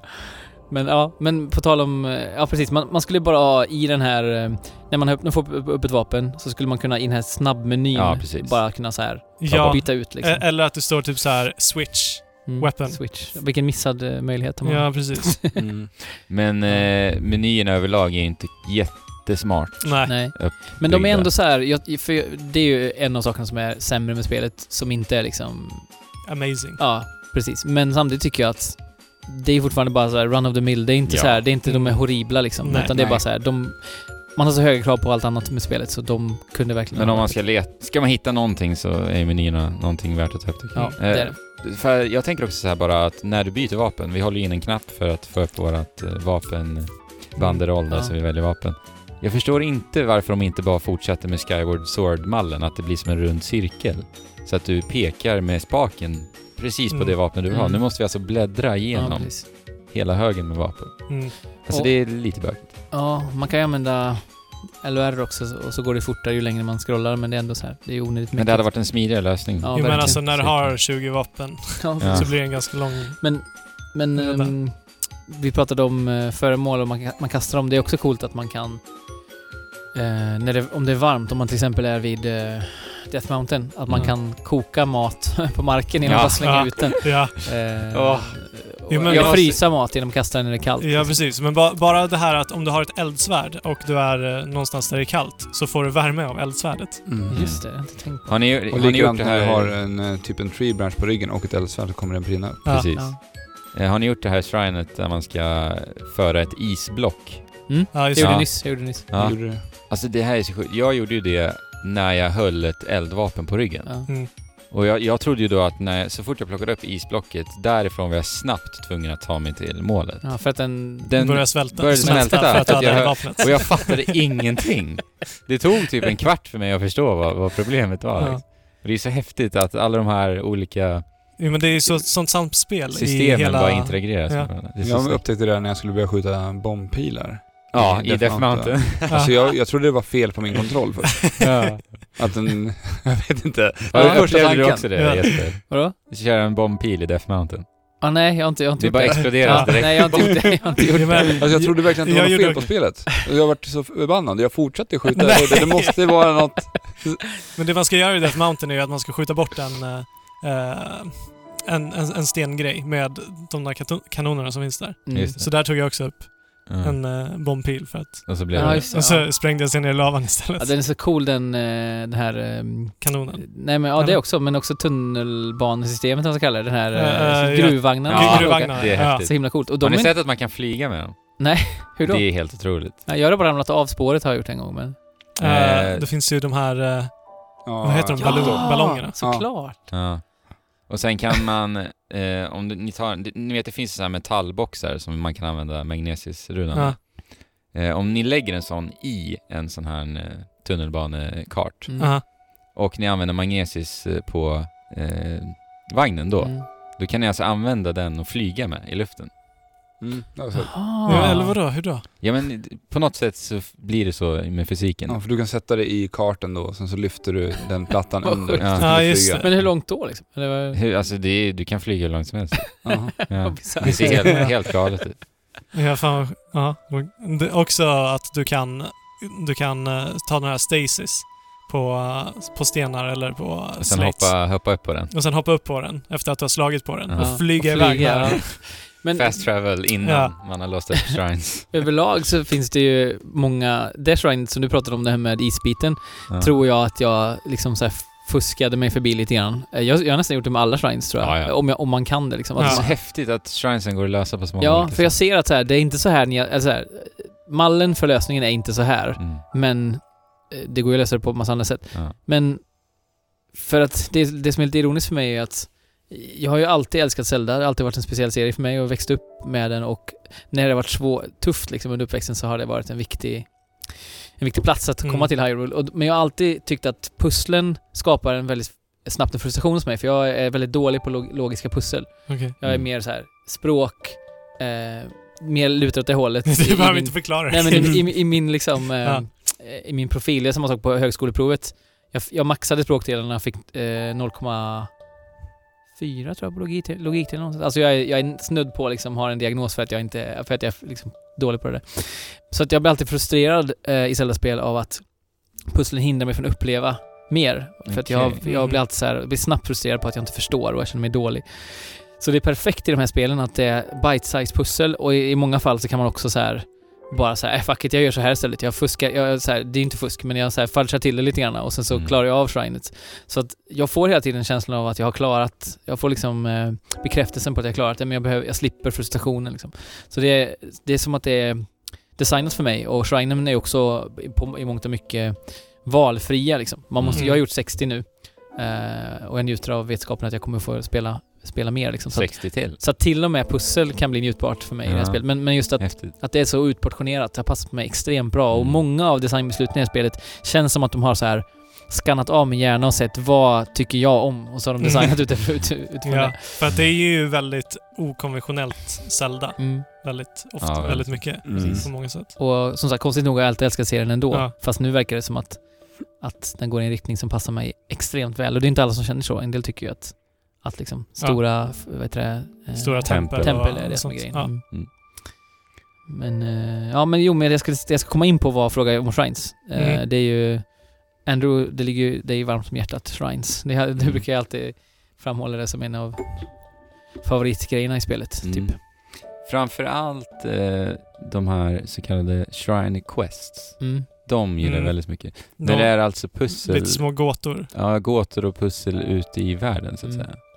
Eh, och sen så blir vi då belönad med en sån här blessing. Det är också Mm. skönt, Mm. tycker jag. Att man inte, när man kommer fram, när man har så här snokat runt och hittat lösningen, att man inte behöver göra ett shrine igen då, utan så här, Mm. det, man blir bara välkomnad med öppna armar och får ett gött föremål eller någonting. Alltså för mig så hade det, opt- det optimala varit om alla shrines var typ the witness-klass.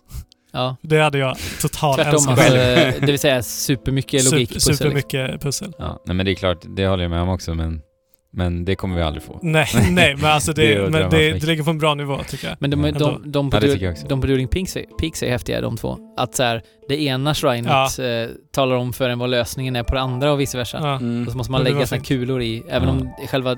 Det var inte så kul, det var inte så roligt att lägga Nej. de här kulorna i liksom.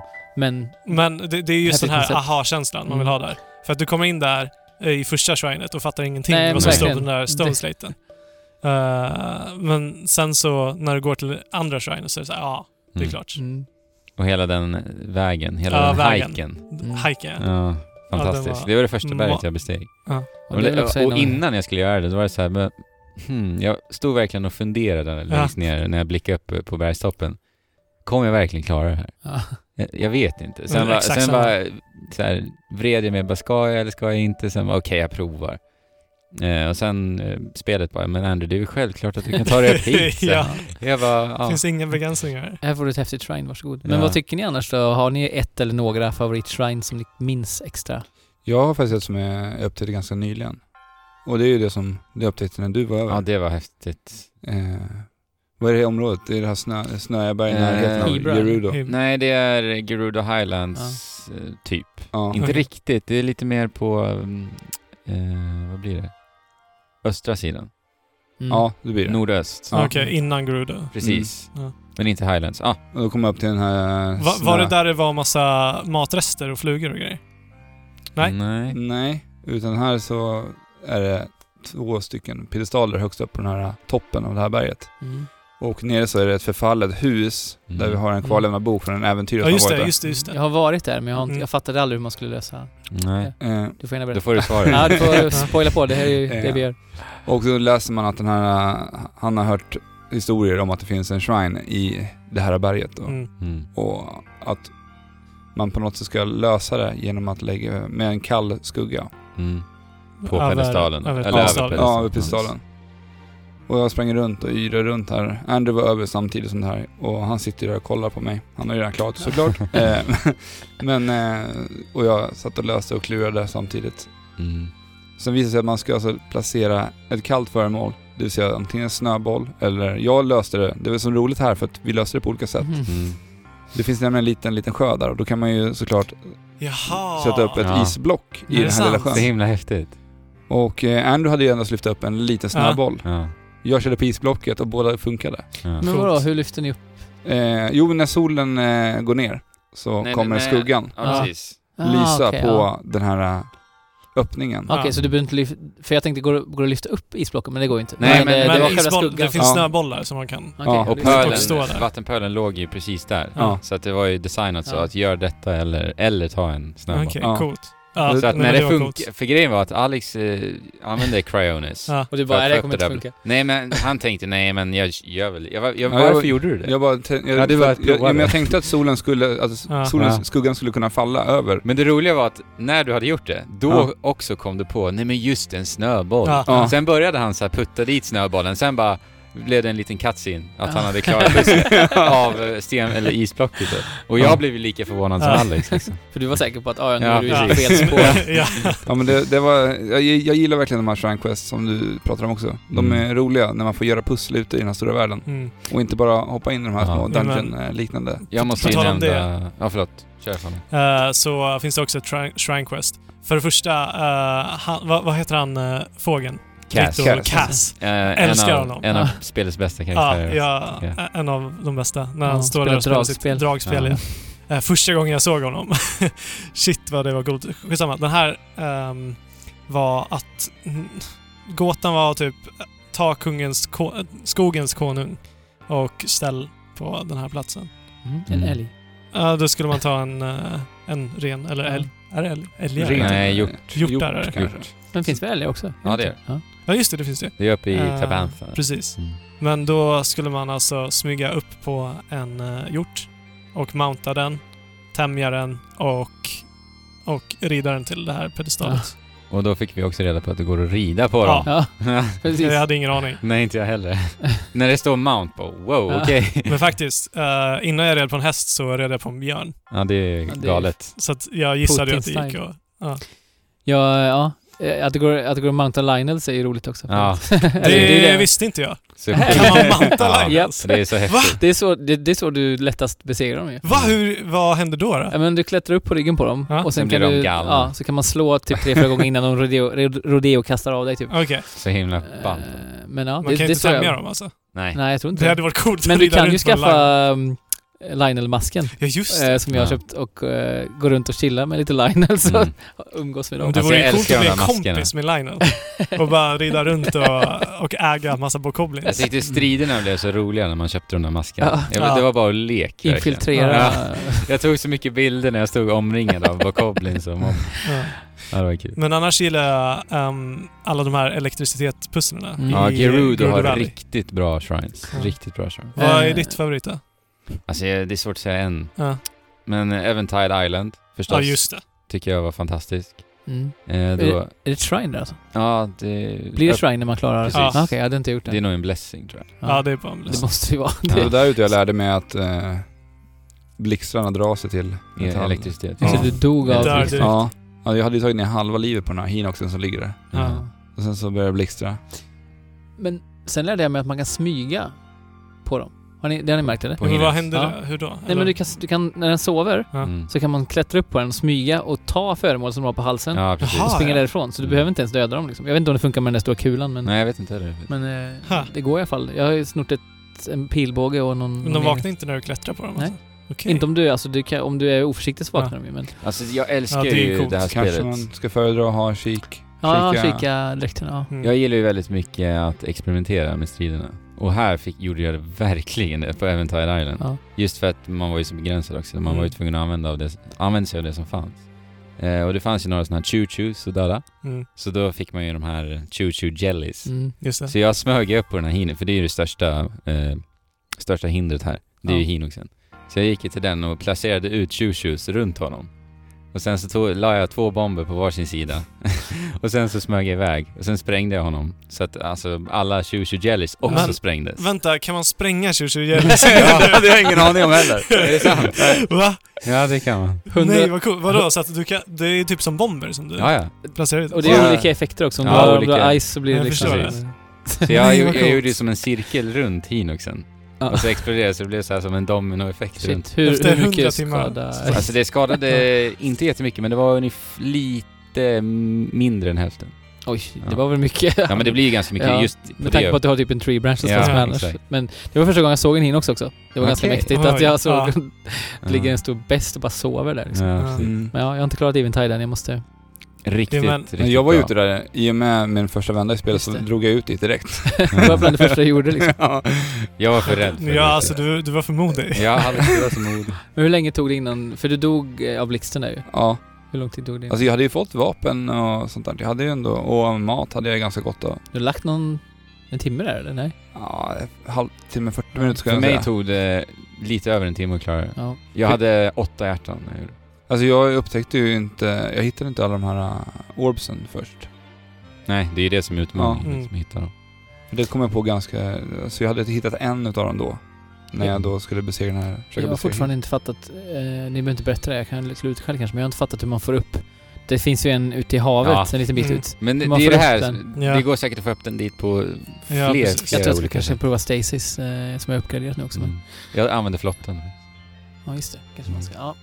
Jag eh, kastade ut den i vattnet och gjorde cryonis. Jag vågade inte kasta ut den i vattnet för jag tänkte att det skulle hända någonting. då. Men en av de, en av de shrinesen som jag verkar ha eh, liksom nästintill brutit är, det finns några där man ska golfa och det menar jag inte med motion control utan där man ska använda stasis för att slå. Mm. Så finns det en där det är massa olika hinder Ja, just det. eh, i vägen för hålet. Och då åkte jag upp i Just hissen. det. Ja. Eh, ställde mig vid hissen, s- eh, liksom vid toppen på hissen. Men då är det så här stänger i vägen. Ja. Så Ja. det ser ut som att man inte ska kunna slå därifrån. Men jag lyckades pricka emellan två av stängerna.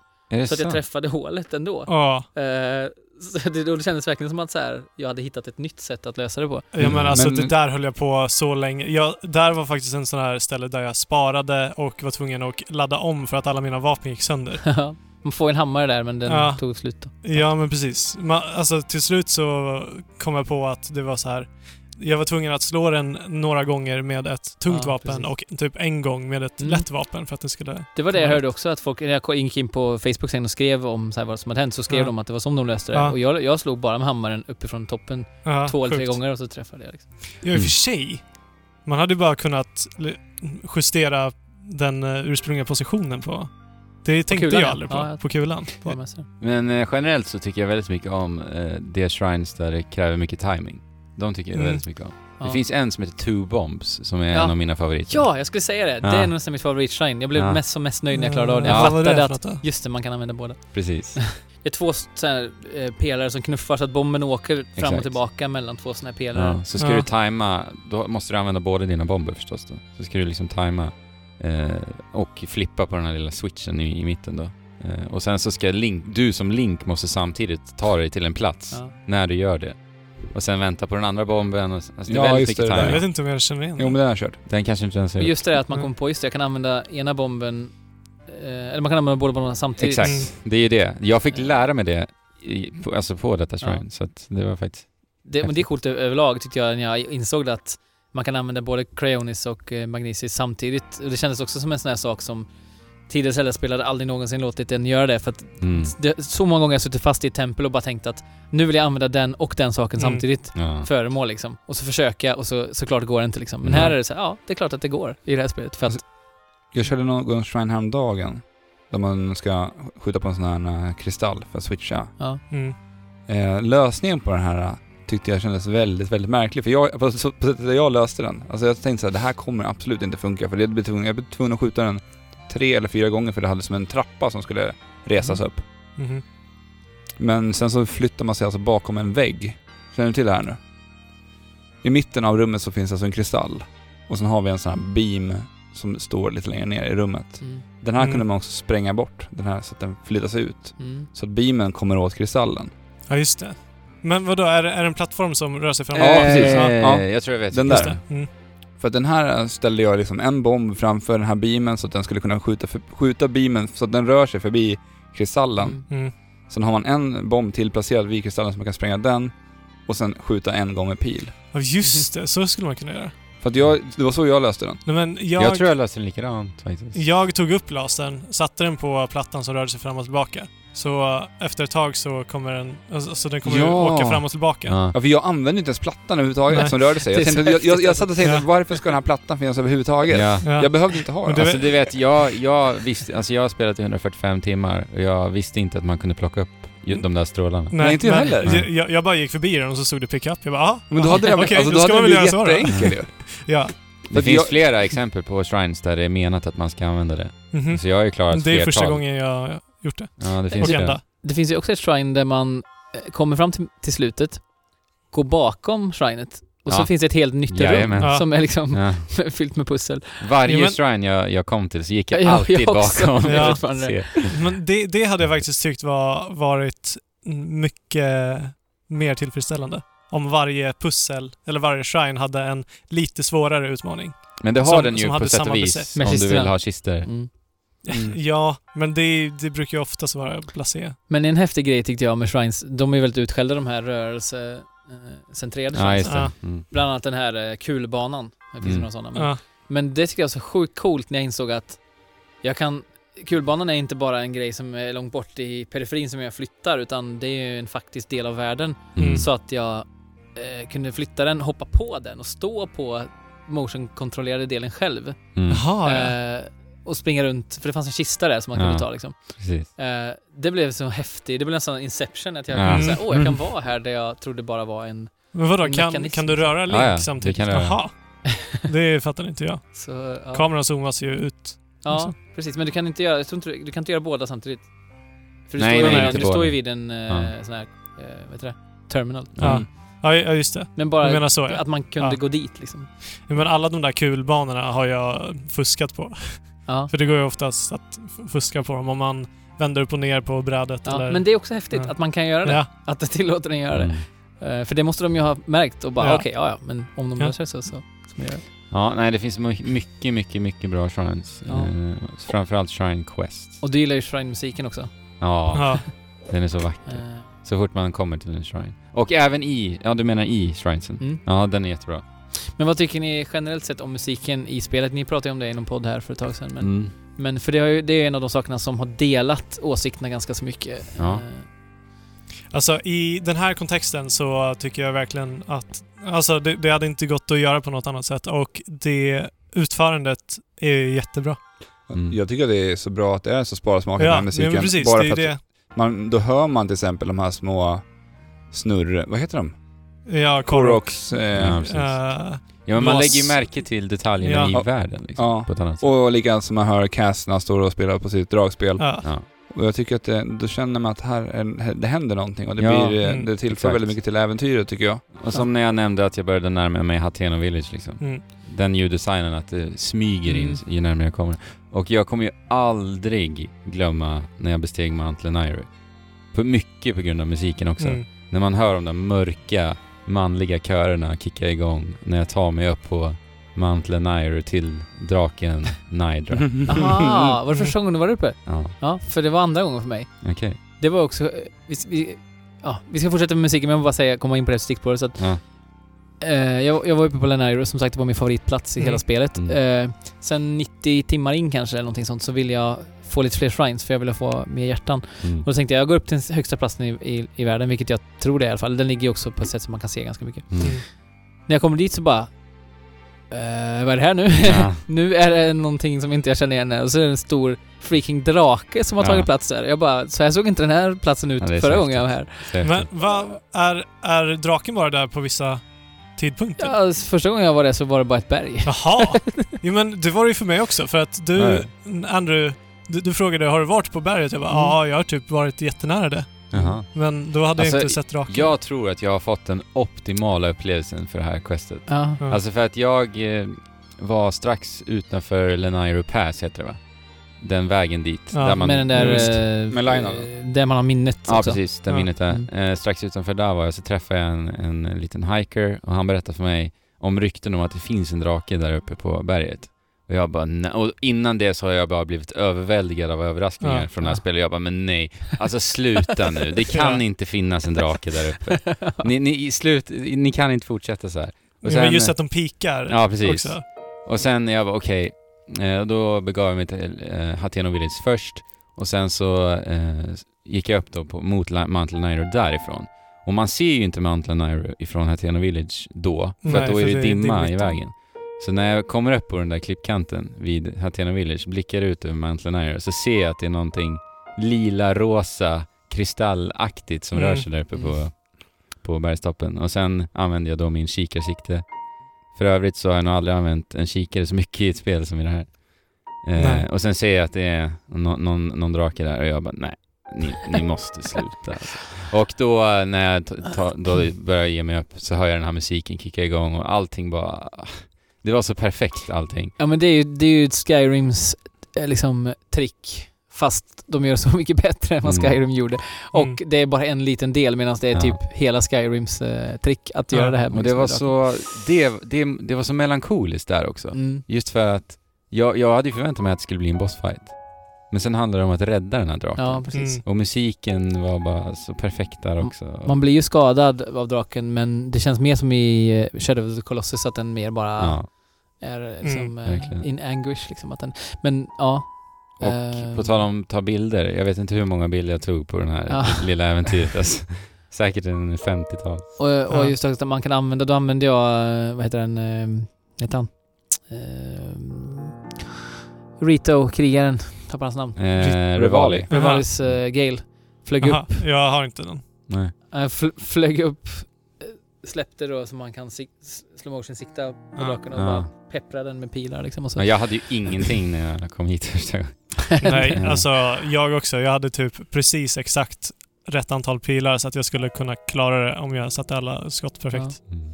Gjorde du det då? Ja, jag började om Ja. ett par gånger. Oerhört jävla mäktigt. Jag hade blivit tipsad av dig Jesper, innan jag begav mig hit, att jag skulle först ta den här stenjätten Ja. som vi pratade om lite tidigare. Och där börjar man bygga upp förväntningar av så här minibossar i Ja. Zelda.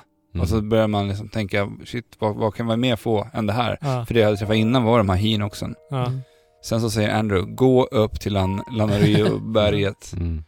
Och sen sa han inget mer, så jag bara begav mig upp dit helt utan förväntan. Och det överträffade ju verkligen det som jag hade byggt upp i huvudet av minibossar. Mm. Mm. För att det är ju inte en riktig bossstrid som, ni- som ni säger heller. Och den rör bara- sig över otroligt stora ytor Ja. också. Ja. Simmar runt i Och jag luften. tycker så häftigt hur man svävar efter den Ja, här i verkligen. luften. Ja, det första, ni vet när eh, Nidra då beger sig ner till den första platsen. Då är ju du högst upp på Ja. Lenaireberget. Bara kastar ut där Mm. och paraglidar ner mot henne liksom. Men- Riktigt mäktigt. Men överlag med, med de här eh, olika drakarna som finns i världen, mm. eh, med deras scales och så. Jag hade en helt otrolig upplevelse där också vid, eh, eh, vad heter den, Spring of, är det Courage eller Strength? Det är i typ ett tropiskt område. Ja, courage. Ja, just det. Courage. Eh, och eh, det är ju vid Faron va? Ja. Ja. Då, eh, jag hade inte varit där så mycket, jag hittade stallet. Eh, och så helt plötsligt bara ändras musiken. Ja. Precis som du pratade om musiken. Och så blir det den här lite kinesiska folkmusikstämningen. Mm. Ja, bra musik. och det känns som att ljuset förändras. Jag vet inte om det är bara mitt huvud, men det känns som att ljuset förändras. Och Ja. man, Ja. eh, jag ser bara det här, liksom draken bara, vad, vad är det här liksom? Ja. För då, det var innan jag träffade på Lenairo, draken. Ah, okej. Cool. Neira. Och, och då sprang jag till, eh, till eh, det finns ju en, eh, en hel serie bro av floder, och, Ja, eller av vattenfall och, och Mm. sjöar där. Bara försöker så här skjuta den, men ser bara att det blinkar till när jag träffar den. Jag tänker okej, den är Ja. liksom uppenbart eh, osårbar liksom. Jag måste göra någonting annat. Jag måste ha Master Sword eller någonting.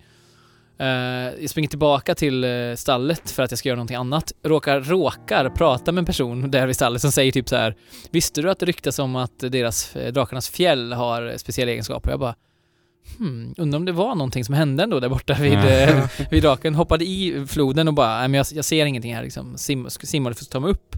Och så såg att det blinkar någonting där borta vid, precis Ja. när, när, där floden ska liksom leda av till vänster runt en, en, en klippa. Så har fjället fastnat precis på den lilla utbuktningen på klippan. Och så, Okej. och så bara får jag det.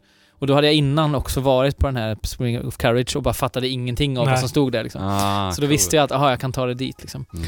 Coolt. Eh, Jag har fortfarande inte gjort det. Det är ännu en så här, ett exempel på hur plötsligt så bara råkar jag prata med en NPC Ja. som talar om för mig en sak som jag redan... Jag menar, jag hade ju kunnat... Det där fjället hade kunnat åka iväg var som helst. Jag hade Mm. inte kunnat träffa på personen. Men jag hade sån tur så jag bara fick Ja. den optimala upplevelsen av det här. Så att, Coolt. ja, det var helt häftigt. Men ja, vi kom ganska långt ifrån musiken. Mm, det gjorde vi. Jag, jag, Vad tänkte du säga? men jag tycker att musiken är eh, fantastisk. Ocarina of Time är ju fortfarande kanske min... Om man tittar på melodier och så. Mm. Eh, fast, även fast det finns en, en handfull melodier, typ Tarrytown och, eh, och sådär, som kommer upp i samma klass. Men ja, det som jag tycker är så fantastiskt är ju att det är ju så integrerat i spelet. Ja. Mm, Eh, precis. Postapokalyp, apokaly- postapokalyptiska världen som befinner sig i förstärks så oerhört mycket av att, det, att musiken är så sparsmakad. Jag älskar Ja. pianomusik, återigen, Mm. de har extractat mitt eh, minne, eller min, min hjärna, Nintendo, Ja. bara såhär, vad gillar han för musik? Ja men, Ja. ensam pianomusik. ja, Okej. men vi har aldrig Jag gjorde det här för Jesper. Zelda-spelen har ju aldrig haft, använt piano som huvudinstrument Nej. på det här Nej. sättet. Och det är så otroligt vackert och eh, ofta cueat så himla perfekt. Mm. Musiken bara kommer in Ja. och förstärker stämningen på ett... Och just den här ödsligheten man får, ödsliga känslan man får. Det, Mm. och, och just också när man har jobbat med eh, eh, skalbar musik. Det är Mm. så otroligt häftigt. Ja. I eh, Divine Beasts till exempel. Ja, för varje terminal. Precis. terminal man tar så läggs det på... eh, Så att jag vet inte om jag har spelat ett spel som har jobbat så otroligt mycket med musiken på olika sätt för att förstärka upplevelsen. Och Att- ljuddesignen. Ja, precis. Ljuddesign också, precis som du säger. Eh, bara att man står, och, står vid en flod och hör vattnet forsa, eller Ja. som ni pratar om, Korok, eh, de här små vindsnurrorna. Precis. Eller, I ett open world har jag definitivt inte gjort det. Nej. nej. Ja, och likadant som du pratade om här för några veckor sedan också. När du hade varit ute och sprungit och det känns som att... Ja, de har ju verkligen eh, gjort ett bra jobb. Fångat the Fångat, wild. Precis. Ja, när jag har varit ute och sprungit i skogen framförallt. Det är inte Koji Kondo som står bakom musiken här. Nej, Nej. Nej, precis. en kvinna. Yes. Jag Vad heter Jag hon? kommer ihåg namn på nu. Ja, jag kommer inte ihåg. Manaoke Katoaka, tror jag. Ja, det, det låter bekant. Men eh, det, det är ett namn vi ska hålla ögonen på. Absolut. Och öronen på. Man känner ju av hennes eh, Animal Crossing eh, DNA i just Tavery Town-låten. Ja. Ja. Mm. Men Ja, men också i Goron. ja. Även om Ja, det är... jag bara älskar hur de använder avskalade instrument överlag Ja. när du sa Goron City. Alltså Ja. hur, hur trombonen i, i Ja, både lyckas Det- liksom fult rolig och precis, Ja. både vara lite fånig, rolig Ja. men ändå vacker, lite så här. Och, och, och trumpetmusik, eller säga klarinettmusiken, jag spelade klarinett själv i typ Ja. 5-6 år, Mm. i, eh, i Rito. Mm. Eh, och just att det är en klarinettversion av, ehm, Av, eh, vad heter den? vad heter den? Dragon Roost Precis. Island. Eh, jag blev helt blown away första gången jag hörde det. Ja. Bara, åh, den här musiken. Och i den här versionen, Ja. återigen, zzz, extrahera hjärnan. Eh, Klarinettmusik, jajamän, vi tar in, vi slänger in där. Ja. De, jag- de destillerar Ja, din hjärna Det är precis nästan som de... läskigt. Ja, exakt. Chica Stones. Ja, men det är, de måste ha gjort det alltså. Det är läskigt alltså. Men ja, så att, men jag, jag måste ändå säga att jag, om jag ska välja en musik eh, som har gjort störst intryck på mig så är det ändå under, i fängelsehålan under um, Hyrule Hyrule Castle. Castle. Inte varit där. Eh, Wow. Jag ser så mycket fram emot Gå det. dit. Alltså, Mm. jag vet inte om... Ska vi säga vad det Eh, är? säg. Ja, för det är ju en remix på... på A Link to the Past. Ja, Ganska mycket. Nej. flera olika. Okej. Alltså Ja. Zelda-temat, uh, huvudtemat och så lite Link to the Past-vibbar. Det finns flera. Jag, jag har inte riktigt definierat allting men, Nej, det, inte heller. men den är liksom både olycksbådande och uppmanande samtidigt på något sätt. Och sen just hur, hur miljön är i fängelsehålan där. Och man, för jag hade aldrig varit vid Hyrule Castle innan jag gav mig, gav mig an, tog mig an Ganon. Mm. Och bara känslan av liksom despair som var där nere och Mm. Verkligen. att man hittar eh, Hero Shield där nere också. Hylian Shield. Ja? Hidden Shield, Gör ja, man? Precis. Där. Från Okej. ingenstans. Ja. Man bara går in och så är det en miniboss, typ en sån här, vet en Hinox. Ja, precis. Okej. Stalnox, en, ska, en eh, Skelett. ben, eh, variant av Hinox. Eh, och så bara, plötsligt så bara ligger uh, Hylian Shield där och den är den bästa skölden i hela spelet och det är Ja. bara så här. Återigen, man har kunnat missa den. Ja. Mm. Men upplevelsen att gå in där för första gången i Hyrule Castle, bara... Till den musiken. Ja, och hitta den här skölden, det var... Det var liksom Ja. en av de bästa spelupplevelserna jag har haft tror jag Ja. någonsin överhuvudtaget. Så Ser den musiken. det. Men, men för er då med musikstycken? Just. Va? Pratade vi inte om det? Favorit. Har ni sagt eh, vilken är som Nej, är det kanske inte jag, jag tror inte vi har sagt gjorde. vilken som Nej, vi sa inte. nog, men vi, ja, vi har ju kommenterat musiken. Ja. Eh, alltså, ja, det, där är Rito Village är en eh, stor favorit, men Hateno Village är ju svår att inte älska, Mm. ja, det tycker jag faktiskt. För mig är det nog Hateno Village. Ja. Men sen, det- alltså, det är mycket favoriter jag har som är väldigt, väldigt eh, subtila. Mm. Alltså det kan vara bara handla om melodislingor som Ja. jag verkligen håller väldigt kärt också. När det kommer lite... dra- da- da- da- da- da-. Ja, Alltså, jag- men fram, jag gillar ju mest det originella i det här spelet. Eh, faktiskt. Ja. För jag gillar väldigt mycket med Breath of the Wild att de inte förlitar sig allt för mycket på, på, det, det. på det gamla. Ja. Jaha, det så. Mm. Mm. Eh, för att det, det finns ju, Soras Domain är ju egentligen precis likadant Mm. som det alltid har varit. Ja. Likadant Goron City. Det är ju det är ju såklart små, små förändringar. Men jag, jag gillar mest faktiskt de originella låtarna. Mm. Bara det här när du rör dig mot en shrine. När man hör lite så här, Mm. jag tror låten heter Mm. någonting med water någonting. Och jag, de, det känns på något sätt, de får den känslan, det är så lite glittrigt, så Mm. vattnigt och bara vackert. Och, och jag tycker det är, det är bara så pricksäkert hur de har så här sammanflätat musiken med det, det man ser. Mm. Liksom. Ja men sagt ljuddesignmässigt, Ja, eh, precis. oavsett vad man tycker om melodierna i andra spel så tror jag man nästan inte kan säga något annat än att det här är det bästa Zelda-spelet när det gäller ljuddesign och kanske också ett av de bästa spelen period. Jag vet inte Mm. som sagt, så många andra Ja. spel som har så otroligt bra ljuddesign. Nej, jag håller med. Nej. håller Jag, med. jag har ju en stor favorit och det är ju just de här uh, Shrine Quest och vi har ju en uh, rolig fågelfigur som Ja. står och spelar Ja, ett dragspel som heter Cass. Cass. Mm. Ja. Cass Theme tycker jag är uh, riktigt trevlig, lite såhär Paris... Uh, Mm. Ja. Jag får lite Paris-känslor av Ja. hans dragspelande och... Mm. Och ibland spelar han också gamla Det är något. Zelda. Ja, precis. Han spelar på någon sån. Ja. Ja. Ja. Jag spelar andra låtar också, eller jag vet inte. Och när så Ja. fort man hör det här Ja, då vet musiken, då Cass springer man... är Ja, någonstans. nu är han man att... Då letar man efter honom. Och så är det väldigt ofta, eller kanske nästan alltid, en uh, Shrine Quest Mm. i, Ja, i faggorna då. ja. när Jo, han- det är det. Han, han brukar ju alltid tisa om någonting Mm. och ge lite gåtor om hur vi ska hitta den här shrinen. Mm, det är magiskt. Ja, det är jättefint tycker Det är jag. också så här sagolikt och fantasifullt. Men sen gillar jag också, eh, som du var inne på Jesper, Shrine-musiken. För den känns så jäkla mystisk. Mm. Mm. Och bara, återigen alltså, det, det, är, så, det är så snyggt design. Och den går så väl in i hur, Ja. hur den visuella designen också. De har Exakt. pratat om den här, eh, vad heter den? eh, Ancient... Ja, men eh, perioden i japansk historia, vad heter den? De har ju, de har ju tagit det mesta Ja, av designen från en specifik japansk tidsepok. Mm. Och den är ju som sagt väldigt så här tankeväckande och lite mystisk. Och musiken Mm. är ju... Det känns som att de hade... Att musiken och designen är samma sak. Det vill säga att det är typ Ja. två mynt bara och så är Ja. ena sidan designande musik. Det, det är liksom Ja, gjutet ur samma... Ja men verkligen så. Ehm, Ja, verkligen. Kittel. Och så är ju hela, så hela spelet tycker Ja. jag. Ja. Att det är så otroligt sammanhållet. Ja men bara, bara mellansekvenserna. Det är helt otroligt. Alltså var de liksom eh, kickar in de här melodierna. Alltså Mm. det är så perfekt avvägt verkligen. Mm. Och också en annan grej som jag gillar med, eh, med mellansekvenser är att man har ju det gear på sig som Ja, man har i spelet. Fast, även fast det är uppenbart att det är liksom så här få storydrivna grejer som, Ja. som sker så är det ändå så här de har lyckats få till det så att man har sitt, sitt gear på sig. Mm. Eh, Ja, det har vi inte ens pratat om gear. nej, Nej. låt oss komma in Men på vi det. kan ju ta det under design typ. Ja. Vi, bara inne på ljud och musik.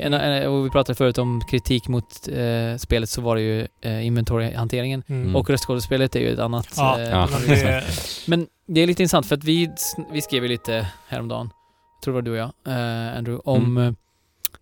röstskådisarna. Mm. Och jag tycker ju så här, för jag, jag var också så här, ja men det är inte bra liksom. Sen så började jag tänka på vilka jag egentligen inte gillade och egentligen så är det bara Zelda som jag inte tycker är bra. Mm. är det så? Eh, eller ja, alltså det, eh, Mifa är också sådär liksom. Mm. Kvinnorna överlag tycker jag de har liksom misslyckats lite med. Men, för de känns inte så trovärdiga. Men jag tycker generellt sett, jag tycker Daruk, jag tycker eh, Rivali är ju tänkt att vara lite så här odräglig. Jag tycker Mm. att kungen eh, och, och så här. Jag tycker att många är Ja. ganska, alltså bra eller helt okej. Medan Zelda är... Hon är hon, jag upplever henne som skrikig. Mm. Jo, men alltså, men hon, hon är ju liksom en prinsessa. Och det vill hon väl, det vill de väl fram, framställa att hon har den här brittiska dialekten. Mm. Men alltså annars så tycker jag typ helt tvärtom Mm. eh, mot dig. Jag, Ja. jag tycker att typ den där Goron-snorungen som man träffar. Jaha, du menar han? Eh. Men jag tänker Daruk som är champion, han, Ja. han gillar. Eh, det, det känns inte som att hjärtat är med när någon pratar. Nej. Alltså för mig aldrig. handlar det om att eh, hur, Jag- de, hur de har liksom eh, voiceat de här karaktärerna klaffar inte alls med hur, hur det var i mitt huvud Nej. Nej, under precis. alla Zelda-spel jag har spelat. Nej, jag, jag hade aldrig tänkt mig att en Goron skulle låta Nej, sådär. exakt. utan att de skulle ha någon typ av... Alltså, här Hur brister skulle, hur skulle en Goron låta? Nej men, Kan det låta som en Goron? Ja, kom igen. inte, inte, bara, inte bara som någon så här mörk pitch macho-röst liksom. Utan att de har någonting som är Goron. Ja, jag, jag håller med Fabian. Ja, du menar att de pratar ett annat språk? Eller? Nej men alltså, bryter på... Ja, De pratar Hylian fast de bryter på Goron-språket. ja det, det är så, alltså. Jag har aldrig tänkt att de låter som människor. nej precis. låter mer som stenar som skavs mot varandra. Ja. Ja, ja men typ. ja. Ja, nej men... För, ja, och ja, det är ju verkligen en grej som jag tycker är så jobbigt. För jag spelade ju ner med japanska eh, skådisar och det var Mm. jättebra. Ja, det. och de engelska ska tydligen vara helt okej också. Jag vet inte om ni har spelat med engelska. Nej, men- eh, jag hade ju bara velat... Det hade varit så enkelt för dem. hade ju bara varit att flippa en Mm. switch Ja. att så här, Switch. Eh, att Precis. eh, ha engelsk, engelsk text och japansk ljud. Nu Det- måste man ju ha allt på japanska och det är ju helt omöjligt. Mm. En Ja, japanska. precis. Alltså, jag... Eftersom att jag inte kan det japanska språket lika mycket så blir det ju, eh, om de skulle prata Mm. japanska, ja, eh, någonting foreign, vad heter det? Främmande. Främ- Främmande. Främmande. Ja, men det är precis samma sak som att ord låter bättre på engelska än Mm. svenska. eh, För att man är mindre bekant med det. Men, Mm. och överlag, man hörde ju de första trailers när de pratar om så här, eh, ja nu ska jag berätta, för, när, när eh, jag vet inte, eh, DQ3 pratar. Ja. Eh, och även, vem är det mer? Är det... Jag har inte sett dem. Jag tror att det är Impa. Impa måste det vara, ja precis. Ja. Det var så otroligt bra. Det var så här, åh vilken stämning det är. Det verkligen förstärkte den här Mm. eh, ödesmättade stämningen. Eh, det var ju hur bra som helst och då, då hoppas jag verkligen på det. Men istället fick man eh, ja, det, skrikiga, skräniga Ja. röster som inte känns rätt. Men, Mm. och det är verkligen den enda saken som jag känner är klart under Undermålig. Ja, precis, samma här. spelet. Ja, det är det. Eh, men ja, Zelda i övrigt också. Alltså hennes design. Jag tycker det är den bästa designen av Zelda någonsin. Mm. Jag älskar den. Men jag gillar henne som karaktär alltså, ändå, Ja. faktiskt. Med. bästa Zelda vi har fått hittills. Ja. Det, alltså, det är ju mer personlighet än vad vi är Någonsin. vana vid. Precis. Ja, och och också just att hon får vara både... Hon får vara bortskämd, hon får vara otålig, Ja. hon får vara eh, tvivlande, hon får, Mm. men hon är också beslutsam Mm. eh, och liksom superbadass. Jag menar hon har hållit uh, Calamity Ganon i hundra Mm. år. liksom så ja. det är ganska bra jobbat. Plus att ehm, eh, jag tycker generellt sett i Zelda så är det lätt att se det som att här, man ska rädda prinsessan. Men i allmänhet i Zelda-spelen så tycker jag inte riktigt att det stämmer. För att nästan alltid så är det hennes roll som blir avgörande i, Mm. i eh, avfärdandet av, av Ganon, besegrandet av Ganon. Precis samma Mm. sak som Hermione i Harry Potter alltid är i varje enskild film och de fattar aldrig att hon är det, men det är viktigt frustrerande i sig. Men hon är alltid så sjukt avgörande. På samma Mm. sätt är Zelda det i Zelda-spelen, men det är lätt att det bara blir så här rädda prinsessan-tropen av det, att när man ser på det utifrån. Men Ja, tänker ju- man till så är det ofta att hon är en viktig del av det. Mm. Men i det här spelet är det ännu mer så, Ja, att hon är ju, jag menar, Ja. för hade det inte varit för Zelda så hade hela världen gått under för hundra år sedan. Mm. och även i hur, slu- hur spelet slutar, där hon... jag är ledsen Fabian, jag vet att du tar upp det där. Ja, eller jag kan hålla för öronen. Jag gör det. Ja, där hon kastar den här eh, ljusbågen åt den som, Ja. som skjuter. Som hon alltid gör. Ja, precis. Eh, och hon håller liksom, hon kämpar in i sista stund tills Link kommer till slottet och kan liksom ta över facklan. Mm. Så eh, ja, jag gillar verkligen att eh, hon är, jag gillar verkligen att hon är en stark karaktär i sig Ja. själv. Det, och, Mm. Men väldigt beslutsam. Exakt. Ja. Men också, som sagt, hon får vara både beslutsam Ja. och, eh, och tvivlande liksom. Precis. Hela hennes resa från att, Exakt. från att hon inte får svar på liksom eh, Mm. sina böner om att hon ska få den här kraften. Mm. Precis. Eh, och, Jag har inte sett alla memories. Nej, jag, inte heller. Jesper, du, eh, du eh, hyllade ju mig för hur jag regisserade min, Ja. min lilla sluttamp i det här Precis. spelet. Eh, Jag, blick, jag begav ju mig till Shrine of Resurrection och blickade ut där eh, vid första klippan som man eh, får syn på i spelet. Mm. Och sen så tittade jag igenom alla memories. Och sen så red jag iväg på Mm. min, göra min mest kära häst mot Hyrule Castle. Jag kopierade det här andra gången. Jag klarade av det först en gång och sen... Ja, du har gjort det nu? Men jag hade ju ett minne, ja jag, hade, jag gjorde det direkt när du skrev det till mig på Ja. natten där. Ja. Jag hade ju ett minne kvar, jag var tvungen att ta det och sen så gjorde jag samma sak som Mm. du bara för att... Som du sa, det sista minnet, det är ju inte det Ah. sista, det är, det är ju slum, liksom kast, kasta lite uh, hullenbulle men... Men Den- det sista, sista menar du? Ja, när hon, har du sett Ing- när hon är i Alex Korok, har inte heller sett det. Nej. Korok Forest? Kor- Master Sword. Ja, Men exakt. eh, har du sett det sista? Eh, ja... Har du gått till Impa efter att du har hittat alla minnen? Ja, där. Ja. Ja, då. okej. Så jag såg det... eh, Där vid slaget. Alltså det, Ja. det var något av det coolaste i hela Ja, spelet. det är den, den bästa mellansekvensen. För det handlar ju om när... Ja, du, ja, Nej, det, det, Zelda eh, och Link är helt... Eh, det är massa Guardians överallt. Ja. Det ligger massa Guardians eh, redan trasiga, men, Ja. men det är Det är uppenbart kört att... Ja, det, är- är uppenbart att det är liksom last stand. Det är li- lite som i Halo, eh, vad heter det? ODST var det Ja. Eller Ja, Reach, just- Reach var det. Ja, Reach. När man Reach, så här, där- slutsekvensen ja. att man bara, det kommer vara massa fiender, man vet att man inte kommer klara, klara det, man kan bara liksom så här, eh, Man kan bara förhala det, det oundvikliga. Mm. Och där då eh, är Link på, på, på väg ner liksom för räkning, varpå Zelda får panik och så här bara no, typ så här, Ja men vänta, vi måste också nämna Ja. att Guardian eh, eh, Just det, En Guardian. den siktar in sig. siktar in sig Ja. på, på Link Och med, man hör ljudet med, man hör ljudet Ah, ja. stegra. Och så, så blir de förtvivlade och försöker på något sätt stoppa det. Och då så här bryts kraften fri från henne och till, slut får, kommer hon åt den här kraften som hon har kämpat efter i liksom i hela spelet. Ja, Eller, lite- hela sitt liv egentligen. Hela- lite gåshud. Ja, och... eh, Och på tal om musiken, alltså wow. ja, Musiken är så bra här. Och- det här är den bästa mellansekvensen tycker jag. det skickar en chockvåg genom hela Ja. liksom, närområdet. Så alla Guardians, Ja, Det är alla Guardians ner. som ligger där. ja, de Ja ner. precis, det är Och- det slaget. Precis, och det är ju precis vid... Eh, Dueling och... Peaks. nej, Dueling Peak Stable Ja. där. Det Ja. finns ju en... Och, och när jag kom, när jag när man sen kommer dit i spelet efter man har sett den så är det bara Mm. så här, man blir helt mindblown bara. Ja. Här för hundra år sedan utspelade sig liksom den största händelsen i Hyrules historia i Ja, men princip. världsbyggandet Ja. är så bra. Alltså. Det är helt magiskt. Jag blir Ja. helt så här, jag blir helt, eh, Ja. ryser i hela kroppen när man tänker Mm. på det. Så, ja. Ja, det är så Men- häftigt, alltså att när man tittade igenom alla de här innan man begav sig till slutstriden. ja. Alltså jag fick verkligen den här, nu jäklar, Ja. nu Ganon, du ska få Nu ska du spö.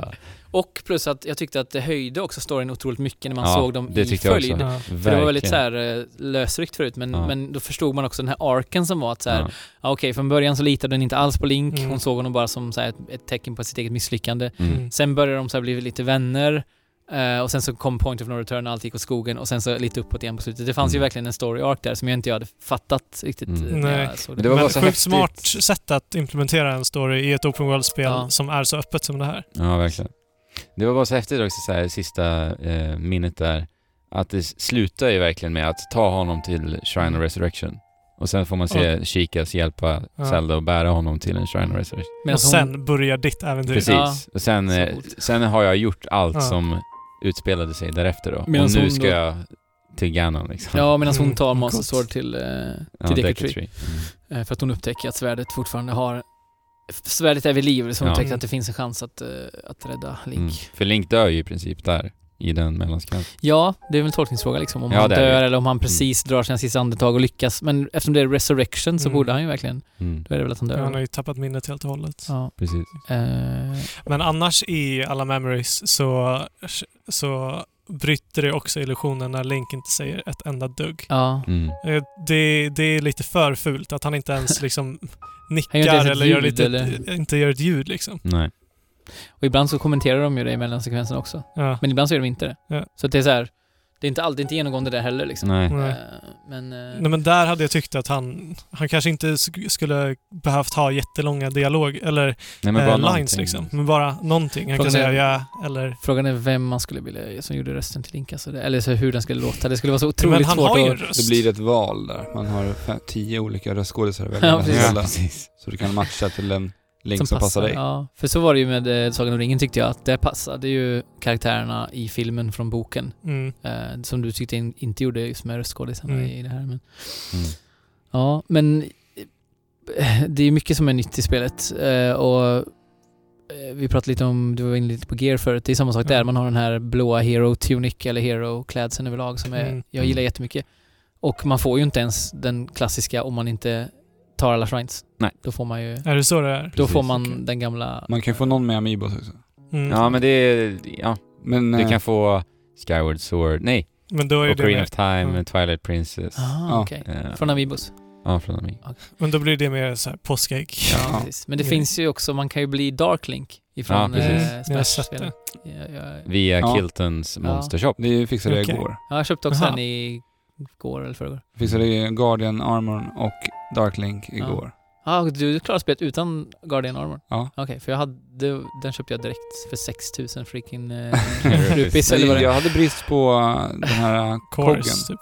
Den här, Jaha, ja.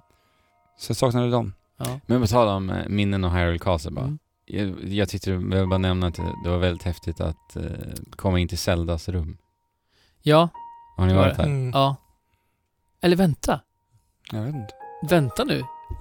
Åh, för jag hittade, jag hittade inte det sista minnet, så jag, jag kollade faktiskt upp vart, vart det minnet var. okej. Och det är ju på gången till hennes rum. ja. Men sen när jag hittade minnet så blev jag så exalterad för det var sista. Så då drog, då tele, äh, vet du, fäste jag direkt till Impa. Så jag missade att gå in i hennes rum, jag nej. måste göra det. Men Du kan läsa en dagbok där Ja. eh, om hennes äventyr lite. Och sen finns ju även hennes um, forskningsplats också. Ja, För hon forskar ju mycket i ja. teknologin också. På tal om eh, Zelda och det minnet och alltihopa, hennes pappa i den sekvensen framstår ju som världens största as för övrigt. verkligen. Han känns ju inte alls så innan dess, men i Nej. den mellansekvensen så känns han ju som så här, ja, Ja, verkligen. verkligen elak liksom. Mm. Krä, typ kränker Zelda typ. Nästan. Ja. Alltså han så här, Och, och Link sitter där bak och säger ingenting. Ja, ja, ja precis. Men, men i den sekvensen är det ju lite logiskt för att Ja, det är hans jo, kung, är så han sitter ju på knä liksom och säger okej, han vågar kanske inte säga någonting mot Mm. sin kung men... Ja. Men, men ja, Kiltons eh, Dark Link som sagt. Men vad har ni för favoritgear eh, i Mm. det här spelet? Det är ju ett spel som jag i alla fall tycker har det presenterar gear på ett så fantastiskt härligt sätt. Alltså dels att man ser på Link såklart allting som, men det är också så otroligt många härliga olika Mm. sorters gear man kan ha. Men Mm. Så det här hade jag aldrig förväntat mig utav Breath of the Wild, att det skulle bli Inte olika jag. gear. Inte så många heller. Nej. Mycket. Alltså jag trodde att det var Hero Tunic som man skulle köra skulle på. istället. samla, samla ihop sig till. Ja. Eller? Ja, det skulle bli den stora grejen. Ja. Men vi har ju hur mycket olika gear som helst. Mm. Och det är det här som har blivit den så här stora belöningen för en. När Mm. man klarar vissa specifika shrines där du får en del till en Ja, gear. precis. Och den gången när man fick den första bandanan när man, som hjälpte att man klättrade snabbare. Ja. Mm. Det var då man insåg, jaha, vi kommer få olika gear i det här spelet. det med var en av de förmågor. sista gear-prylarna jag fått. Var det spelet. Ja. Är det sant? Ja. Jag, jag fick den här tunicen jättetidigt i spelet. Och Så jag kunde klättra. Ja. Men ty- bandana fick jag alltså sista tio timmarna eller någonting. Nej. Va? Ja, det var det Det, första. då är det jobbigt att klättra. Jag, jag kommer ihåg att du fick den tid också nu. Ja, jag För Jag du skickade en bild och sa, gud vad ful eh, jag är en banana. Banana, ja. Mm. Ja, det är en av de fulare i spelet. Ja, Ja. Men den är, jag tycker att den blir snyggare när man har hela Ja. sättet faktiskt. Precis, då ser Ja, och när man har färgat den. Ja, det där glömde jag bort. Jag kom på det igår att man kan faktiskt gå och ändra det där igen. Det är så härligt. Jag gjorde det i början, färgar. men nu har jag liksom... Ja, jag har inte gjort det än. Har du inte det? Ja, men jag, jag har varit där flera gånger och bara så här. Jag kan inte förmå mig att färga om någonting. Jag tycker att alla grejerna är så, så fina som de är. Så jag inte Gör det, bara för att se Ja. vad som händer. Jo, Det är just det. Jo, jag gjorde det. Fast jag färgade om till samma färg så att jag inte skulle behöva Jaha. förändra. Okej. Så jag har sett att man hoppar ner i den här tunnan. Ja, precis. Det är härligt. Ja. Man så här, eller hoppar, de, Ja, de- typ så här lurar upp Ja, en på en plattform och bara släpper Link spärren. blir väldigt förvånad. Ja. Men jag hade aldrig som en rutin när jag kom till en ny by att samla ihop rupees för att köpa den uh, armorn. Jag Det var det första jag Mm. gjorde. Jag köper också alltid alla nya armors. Eh, Mm. Oavsett om man behöver dem eller inte. Samma här. Mm. Det finns ju en, det finns ju en som är eh, typ så här, um, någon sån här traditionell, är det Hatino? Det är något så här lite med olika, så här, rätt mycket färg, färgglada, det ser lite samiskt ut nästan. Jag Eh, ja, alltid men det är väl Hillian den du tänker på? Ja, det kanske det. Och den, jag har i alla fall inte hittat någon, någon som helst anledning av den. Nej. Användning av den. För den har, Eh, den har bara me, medel armor, men Ja, inte ger någon precis. speciell Jo, för det är väl där de effekt. säljer riddarrustningen också. Precis. Ja, jag tror det. Ja. Men jag, jag tycker köpte- den typ är snyggast. Jag köpte båda bara för att Ja. eh, jag ville ha den, men jag har inte använt den någonting. Jag gillar Nej. inte hjälmen dock på Soldiers. Nej, åh det är så jobbigt. Och det är Ja. jobbigt att den är så stark. Därför vill man ju hela tiden... Hooden är ju eh, favoritföremål på huvudet tycker jag. Huvan. Jag vet Ja. vad min är? Det är den där... Vad heter de? Ja, Tiaran. circle, ja, mm. Tiara, heter Ja. det så? Den är min Guardian-tiaran. Eller? Ja, precis. Mm. Ja. exakt. Det, jag håller med, den är Mm. otroligt fin. Den man gör med diamanterna. ja, precis. Mm. Eh, Den vill det göra är också med min diamanter. favorit. Vill Eller du göra de uh, här? örhängena. Ja, som Amber. skyddar mot... Eh, Nej, jag har bara köpt Amber. Okej, för jag hade någon Men som då är inte den jag har mot- hittat? Jo, just det. Jo. Under... eh, Under labyrinten? Labyrinten i Akalla. Det Ja. stämmer. Mm. Det stämmer. Men den... am- Man uppgraderar den med di diamanter. Okej. Så är det. Snacka om att hjälmen, alltså Guardian-hjälmen och tiaran är olika sidor av spektrumet. Ja. Den där Ja. hjälmen är den ful, kanske den fulaste i Ja. hela Ja. spelet. Någon himla strut som man tar på sig. Men, Men- tiaran är riktigt snygg att ha till Guardian, det övriga Ja, Guardian-sättet. men jag också. är alltid så nojig för jag använder alltid hjälmen för att Mm. jag tror att den ger mer skydd mot Guardians, Ja, för den är större. inte. Nej, vad Nej. skönt att veta det. Nej. För du ser ju i menyn, Ja, just det. det är så här olika Ja. staplar. Mm. Tre pinnar som... Då kan jag... Guardian. Up. För Guardian-dräkten i övrigt är ju ganska cool. Man ser massa kugghjul och grejer Ja, på den är den. cool. Riktigt Men, cool. men hjälmen är som sagt en av de fulaste i hela, Ja. hela Men de där smyckena är, är väl mest för att man inte ska behöva ha någonting på huvudet. Ja. Ja, jag tror det. Ja men så har jag gjort ibland att jag har tagit drycker fast jag inte, alltså så här, istället för att behöva ta på mig gear. Ja. För att jag vill ha mitt gear på mig för jag tycker Ja. att det är så snyggt. Och huvan är ju, gillar jag så mycket för att den är så synonym med äventyret. Mm. Att man får liksom ge sig ut i väder och vind och ta upp den där huvan liksom och stå Ja. på något berg och blicka ut. Och har Mm, massa verkligen. bilder i min- på min switch där jag står med huvan Ja, bakifrån så man inte ser ansiktet utan Ja. blickar ut mot. Men det, det tråkiga med, vad heter den, heter den Heroes Tunic? Ja, Uh, tror tror jag. Strunt samma. Nej men den, den är blåa Den blåa. jag. Ja, Champions. ja. Champions Tunic är det. Eh, är att det inte går att färga om den. För att jag har inga kläder som riktigt går i den uh, färgstilen. Mm. Mm. Men vad skulle du vilja färga om den till? Alltså antingen någon mörkerblå eller någon Ja. grön eller röd. Jag tycker den är så jäkla snygg. Jag tycker inte den går ihop med vad jag vill ha. Men Det är det, jag, tycker, jag tycker det är så himla fint att vi äntligen kan hålla på och personifiera våra links. Ja. Mm. Mm. Äntligen på det här sättet som vi kan göra i Breath of the Wild. Pyssla Mm. om honom lite. Ja. ja men det har ju varit så tråkigt i de gamla Zelda. Vi har bara haft olika färgade... Röd, grön, Ja. blå. Ja. Ja, Och då har jag sprungit runt i den blåa ofta för jag tyckte den var snygg liksom. Ja. Mm. Eh, Fast jag inte behövt. Min favorit är ju helt klart den här Rito. Ja, Rito. den är så Ja, snygg. just det. Den har en snygg huvudbonad också. Ja, alltså, Vilken hela, är det beskriver jag? eh, alltså det är ju det här med päls. Ja, päls Ja. och fjädrar. Ja, just det, den som är varm ja. Ja. Precis, med en liten fjäder vid örat. Mm. Ja, den är fin. Och jag har ju uppgraderat den här ganska hårt också, så Mm. det är ju också min bästa armor. Den använde jag Det är när jag rörde mig i Hebra Mountains. Mm. Mm. Ja. Ja, jag, jag ska ju dit. Det är faktiskt, jag har ju ett helt utrymme som jag inte har utforskat Ja. någonting i. Där är också Lyxigt. riktigt bra shrines. Ja. Riktigt Ja, det bra. har inte heller varit så mycket. Det, då får vi göra det tillsammans. Ja. Mm. Men jag jag- har också byggt på mig Rito-sättet för Ja, att det är- det är så utforska snyggt. Hebra. Jag tycker, jag tror favorit nummer ett förutom luvan är nog faktiskt eh, Champions Pants, som de heter. Mm. De här typ, ja men det är som, typ som den Ja. jag har på mig nu. Ja, Typ de är skitsnygga. chinos, eh, såhär, sand, ja, sandfärgade typ. Ja. Eh, de tar jag, använder jag alltid och gärna till eh, den här eh, armor, alltså vad säger man, ringbrynjan typ, Ja. den delen och de brallorna. Och kanske tiaran, då, då har vi nog, hemma tror jag. Men jag Ja. tycker att, på tal om Champions Tunic, jag, jag tycker den passar ganska bra ihop med Soldiers eh, benen Mm. Faktiskt. De två sätten funkar ganska bra. Jag, har färgat om dem till röd. Ah, Okej. Jag måste börja göra lite sånt nu. Alltså jag råkade ju sälja den här klättrings, klättrarbandanan. Ja. Nej. Sälja. Jo, jo, men alltså jag var- Man får väl inget för den till eller? Nej, men jag var desperat efter början. Ja, det är ju ja, man kan man ens få den på något Alltså jag vet inte.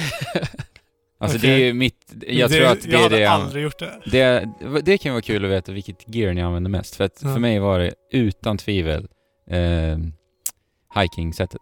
Mm. Jag använde det typ jämt. Alltså. Alltså, jag byter ju efter eh, situation alltid. Ja. Om jag är i vattnet så byter jag till full Sora.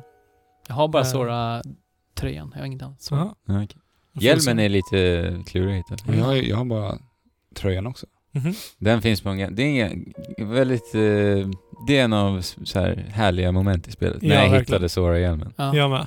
För det var så wow, okej, tack. Men, Ska vi eh, säga det eller? Ja, det kan ni göra om ni, om ni känner men att det är en kör. bra berättelse.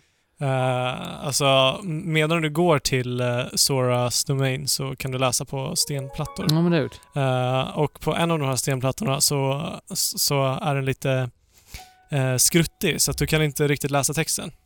Men där hintar det på att någonstans eh, på något berg så ska Sora-helmen vara gömd. Ja.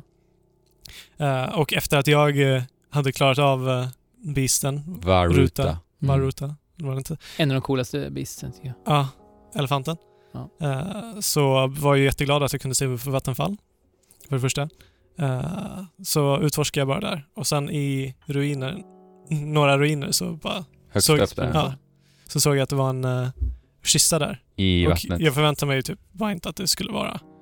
Nej, jag trodde tänkte det- Typ 50 rupees rupees eller någonting. Ja, en av alla kistor som gömmer sig i vattnet. Ja. Liksom. Precis. Men så var det Sora helm och jag bara wow. Och den ligger, den ligger bara där liksom. Ja. Och då, då tänkte jag, jaha, det var det det stod på den här Ja. Sten... eh, Men det är det som är så häftigt att de har haft, för innan har de alltid varit livrädda för att spelaren, in, att spelaren ska missa saker. Ja, precis. Men det här spelet är det bara så här, de litar på att Ja, vi är smarta. Ja, exakt. Vi Och vi kommer vill att lösa det liksom. Och löser man inte, ja men Ja. då... Det gör ingenting. roll. Det finns så mycket andra grejer i världen Ja. liksom. Ja. Alltså jag har, inte, jag har ingen aning. Jag har inte, aldrig hittat den där liksom. Men har ni hittat den här eh, rubber armor då? Eh, Jag har benen Nej. kvar. Eh, på tal om fula. Mm. den hjälmen som är en fisk, den är också otroligt Ja. ful. Men den hjälper väldigt bra mot eh, när de kommer, eller Savage Linals Ja, framförallt. just Ja, det. de har Okej. sån här, Mm. eh, vad heter det? Eh, El- elpilar. Pilar. På, på tal om, alltså Savage Lionel är ju den svåraste fienden i hela spelet för övrigt. Alltså det är, hur, Ja. hur sjukt är det inte att den är liksom dubbelt så svår som Ganon typ? Ja. Om inte mer än dubbelt Ja. så svår som Ganon. Mm. Eh, men eh, ja, Eh, Men annars så tycker jag att det är fantastiskt bra vapendesign. Ja. Och skölddesign. håller med. Och ja, bow-design. Ja, men allting. Jag Ja, tror och, alla vapen, alla sköldar är Ja. så snygga.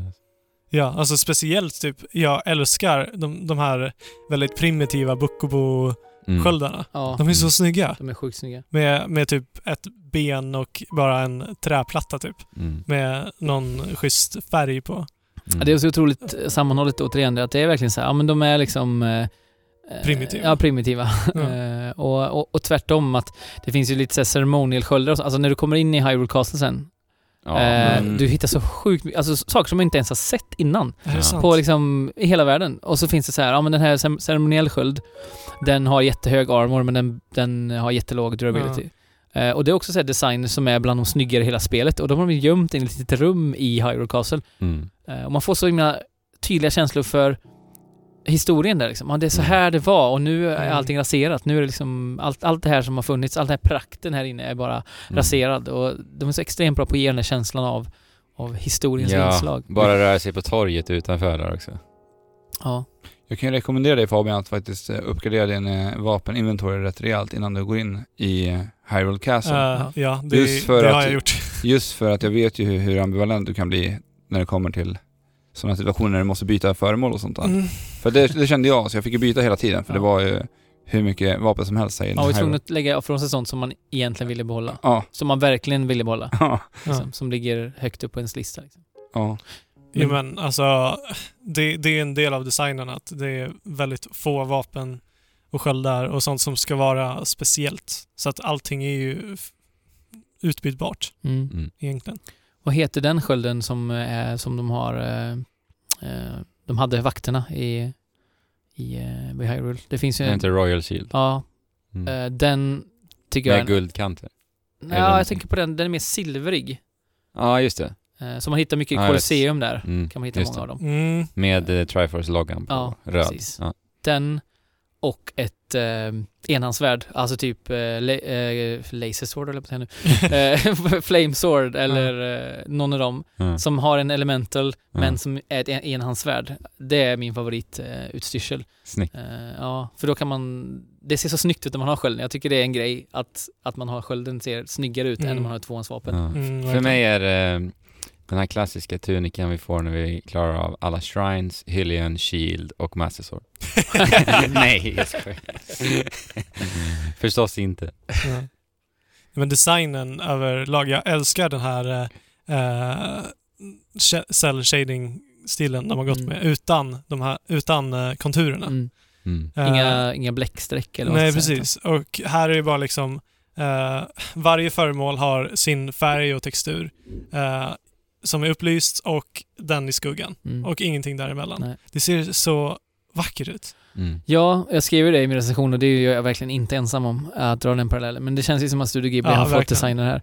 Och återigen, eh, det vackraste jag vet i filmväg överhuvudtaget är Studio Ghibli. Ja, och ja. det är liksom, alltså skulle jag, få, skulle jag bara fått önska en design på mitt nästa Zelda-spel så skulle jag på riktigt, utan tvekan sagt, jag vill ha Studio Ghibli- Ghibli-design. Och så får Mm. man det. Ja. och på Link också är, ser ut som Ghibli-karaktär. Vi borde snacka Ghibli någon gång också. Ja. Det är ju lite kul för att han, eh, Miyazaki där på Ghibli, han är ju jätteanti tv-spel. Ja. Han inspirerar väldigt många Ja. spel. Verkligen. Det är ganska intressant.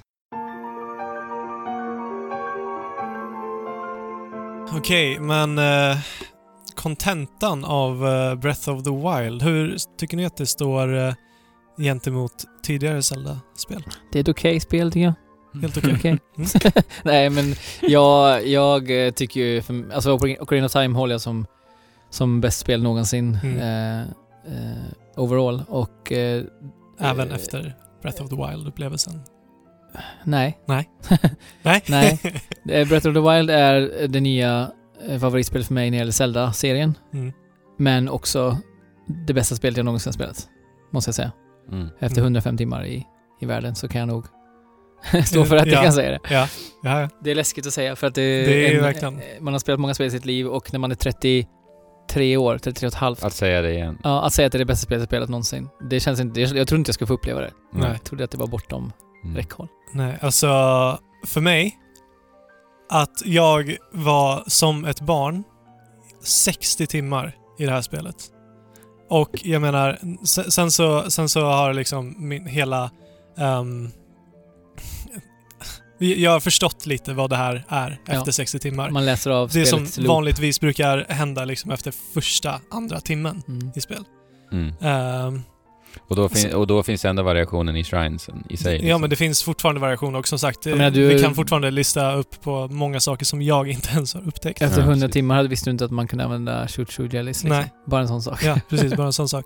Så ja, jag saknar lite, eller saknar är fel ord, men typ saknar eh, lite av liksom vad... Jag, jag älskar ju 3D Zelda-spel. Eh, även fast många 3D Zelda-spel inte har eh, potentialen ens att vara världens bästa spel. Mm. Eh, så saknar jag lite av de elementen. Och jag skulle vilja se det i liksom Breath of the Wild-kontexten någon gång. Men det är mitt favorit Zelda-spel. Och kommer nog vara många år framöver om de inte lyckas överträffa sig själva. För att det är liksom typ svårt att se hur någon ska överträffa det här Mhm. i modern tid. För jag menar, Horizon Zero Dawn eh, kom i, i samband med det här. Och då, när, när jag spelade det så tänkte jag wow, bra jobbat Guerrilla Games. En, en ovation till er liksom. Mm. För att ni tar ett litet steg i den här eh, genren. Eller de tar rätt steg i rätt riktningar Mm. eh, för open world-genren på många plan. Men sen kommer Zelda Breath of the Wild och helt och hållet knäcker eh, Horizon Zero Dawn på alla punkter och gör nästan allting 100% Ja, rätt. precis. De kommer med en grävskopa och bara Ja, Mm. som mm, gräver upp allt som vi tid- tidigare hade trott var det och planterar ny precis. Och det här, det här är verkligen breath of fresh air Ja. eh, när det kommer till en väldigt urvattnad genre. Ja. Eh, så att det är absolut det utan tvekan det bästa open world-spelet jag spelat. Men eh, jag kan också hålla med om att det är det bästa spelet jag spelat. I alla fall i modern tid. Mm. Mm. Andrew? Eh, shit alltså. Vilken fråga. Mm. Ehm, jo men alltså det är, det är ju helt klart eh, topp tre Zelda-spel. Utan tvekan. Men sen är det så här, alltså. Man måste ju tänka på, jag måste ju tänka på, när jag tänker på Wind Waker. Då måste jag ändå tänka på när jag spelade det, där och då. Mm. Jag har ju klarat av det eh, två, tre gånger efter det också. Och det var ju, de känslorna känner jag ju när jag spelar Breath of the Wild. Men om du hade spelat Wind Waker för första gången idag så hade du inte känt de känslorna. Exakt. Det är det som är skillnaden Ja. här. Så att... Eh, men å andra sidan var det ju de känslorna jag hade då. Ja, ja. Så att det, men ja, det, det gör väl att eh, Breath of the Wild blir det bästa i och med att jag känner dem idag och liksom Du Ja, har... har ett kritiskt eh, medvetande Ja. helt enkelt. Eh, och överlag så är det ju såklart ett av de bästa spelen jag spelat. Jag kan inte säga att det är det bästa, för det är för, för stort för mig. Mm. Mm. Ja, men det, är ju det, det är för jobbigt alltså. Men sen är det ju så här, alltså, det, det här är ju ett open world-spel och det är ju absolut inte min favoritgenre Nej, på samma något här, sätt. samma liksom. Men det har ju gått och blivit det i och med det här spelet nu liksom. För det är ju så här ett open world- world-spel ska vara. Men det är det Ja. som är så otroligt. En genre som man inte tycker om Ja, egentligen precis. blir nu då det bästa spelet jag någonsin spelat. Det är, Ja. ju, det är ju otroligt bevis på hur, Ja, hur makalöst designat det här spelet är. ja. Ja, och de visar ju också, eller de egentligen kanske bara skrapar på ytan för vad open world-spel har för potential. Mm. Det, det går ju att göra, implementera väldigt mycket mer i det här konceptet liksom. Mm. Nej men alltså det är ett av de bästa spelen jag har spelat genom tiderna. Eh, mitt favorit-Zelda har ju alltid varit Link to the Past. Jag har alltid föredragit top-down Zelda framför 3D-Zelda. Mm. Eh, och som, eh, som jag tror vi alla är, jag har aldrig varit så speciellt intresserad och aldrig verkligen gillat open world-spel överhuvudtaget. Nej. Jag blir mest, jag blir, blir mest stressad av dem. Mm. Just när det ploppar upp massa ikoner och gör det här, du ska hit och det. Jag, blir, jag startade Skyrim en gång i tiden. Mm. Kom ut och det var en eh, fest av prickar Myrornas på, min, krig på ja, kartan. på minikartan och så stängde jag av det. Därefter har jag aldrig rört igen. Mm. Men jag har aldrig, har fått mig att känna mig så lugn när jag spelat. Jag har, Ja, inte, känt, jag har inte känt någon som helst stress. Nej. Vilket jag gör i ganska många spel. För att jag tycker att, alltså nu när man men är även lite om det äldre... inte är open world-spel. eh, vad sa du? Även om det inte är open world-spel så kan man känna stress. Ja, Mm. alltså jag gör ju det för att min tid, när man blir äldre, man har jobb och man har en sambo, man måste ha tid till allting i livet, så känns tiden så sjukt viktig på vad man Mm. prioriterar. Men Zelda har funkat så bra för jag har kunnat sitta fortfarande med min switch i soffan, spela det med, samtidigt som Linda sitter och kollar på någonting på TVn. Bra får ändå plattform alltid- för övrigt. Ja men jag, jag får Ja, alltid verkligen. någonting gjort i Zelda och jag känner mig alltid lugn. Mm. Och det är sällan i spel som man säger så här, man, man, man, när vi pratar om tiden man har spelat, så, ja men jag har spelat 10 timmar men det känns som typ två. Mm. Jag har aldrig varit så himla obrydd gällande min egen tid jag lägger ut på det. Många gånger när jag kommer ihåg senast jag satte mig in ordentligt i ett open world, det var ju Fallout. Mm, just det, fyra. Men där kände jag någonstans att nu måste jag avsluta, jag tröttnar och det här är, Mm. inte, det här är inte kul längre. Mm. Det känner jag inte med Zelda, jag har klarat av Zelda, jag hoppar fortfarande tillbaka och jag hittar fortfarande nya saker. Vilket Ja. är fantastiskt. Men just, just det där som du sa, att eh, tryggheten i att eh, jag vet att vad jag än gör i spelet så har Nintendo designat det så att jag kommer må bra av att spela det. Alltså jag Mm. kommer upptäcka saker som gör att jag känner att jag har kommit någon vart. Mm. Eh, eller att jag har fått uppleva en känsla eller någonting som gör att jag tyckte att det var värt. För jag Mm. också så, jag jagar alltid tid och eh, jag har två barn och, liksom, jag jobbar så här som du pratade om också, att jag måste få ut någonting av varje spelsession. Mm. Och ofta kan jag bli frustrerad när jag spelar spel för att jag känner att jag har inte fått ut det jag hade velat av spelet. Mm. Mm. Eh, men jag har från första stund också känt mig extremt trygg med att ja, jag kan bara röra mig runt i den här världen på vilket sätt jag vill. Jag kommer få upplevelser som gör, gör att det känns värt. Ja. Och det, det har ju fortsatt för mig till och med. Liksom. Även fast jag klarar gjort allt Ja. som går i princip. Jag Jag hoppar men- in ibland bara för att jag, jag mår vara bra där. av att vara där liksom. Men från att 2D Top-Down Zelda har varit mina favoriter så har Breath of the Wild petat ner. Eh, Är Link det to the Past alltså? och ändå, det är nog mitt favorit-Zelda. Det är Mm. stort. Men alltså om man ska så här, vad är, om man ska hitta någonting som verkligen så här, det här är, det är därför Breath of the Wild är så jäkla bra. För mig är det att Nintendo har lyckats på något sätt att få precis allt du gör till ett roligt gameplay-moment. Mm, precis. Alltså till och med transporterna Mm. är roliga. Ja. Det, men det är ju- handlar ju om att vi kan klättra vart, vi kan ta oss Mm. vart som helst och Ja. på vägen dit så finns det alltid intressanta eh, saker som vill ha din ja, uppmärksamhet. Men alltså, vi har hört att Nintendo, i alla fall när de utvecklar Mario-spel, har en filosofi att om du, om du kan spela det här spelmomentet hundra gånger och det fortfarande är kul, då tar vi med det. Mm. Och det känns lite som att Breath of the Wild också har den filosofin bakom Ja sig. men det blir så, det blir så uppenbart påtagligt för mig för att jag provade ju spela Horizon Zero Dawn Ja. här för två veckor sedan efter att jag hade klarat Zelda. Och alltså jag försökte verkligen. Mm. Det var ju planen för mig att jag skulle spela det efter att ha spelat. Eh, satt i två timmar i en, en session och sen en timme i en session. Och jag, alltså det gick inte, jag kunde inte spela det. För att jag ville hoppa upp på, på bergen och jag ville slänga mig ut för en klippkant och paraglida men det kändes så otroligt, otroligt begränsat. Ja, det är ju en ny standard. Ja, Ja, men det, är, det är ju lite som att man blir av med en dimension, fast Ja. att det är fortfarande 3D. Men, Ja. Mm. Verkligen. men det är ju det ni sa nu också med att hur spelet är designat för att... Alltså det känns som att det är ett, ett, en linjär upplevelse, fast det är tidernas öppnaste spel. Ja. Jag Mm. fattar inte hur man lyckas Nej. designa det så att det känns som att varje upplevelse är regisserad, fast den inte är det. För att Ja. den, den är liksom öppen. Jo, men, Och och, så har jag sen, gått ner så otroligt mycket energi på och kärlek i varenda detalj för att Ja. få det här att funka. Mm. och sen det här, eh, jag- jag har läst på internet att det är många eh, icke-gamers som börjar spela Zelda och kan inte sluta för att det är så väldesignat. Troligen. Mm. Mm. För att det, det är inte så här eh, överväldigande. Utan du går någonstans och du är på ett äventyr och sen så upptäcker du saker. Mm. Det är inte... Det, det läggs inga riktiga krav på dig som spelare. Men sen är det så att jag sa ju där i början att jag spelade mycket med min flickvän.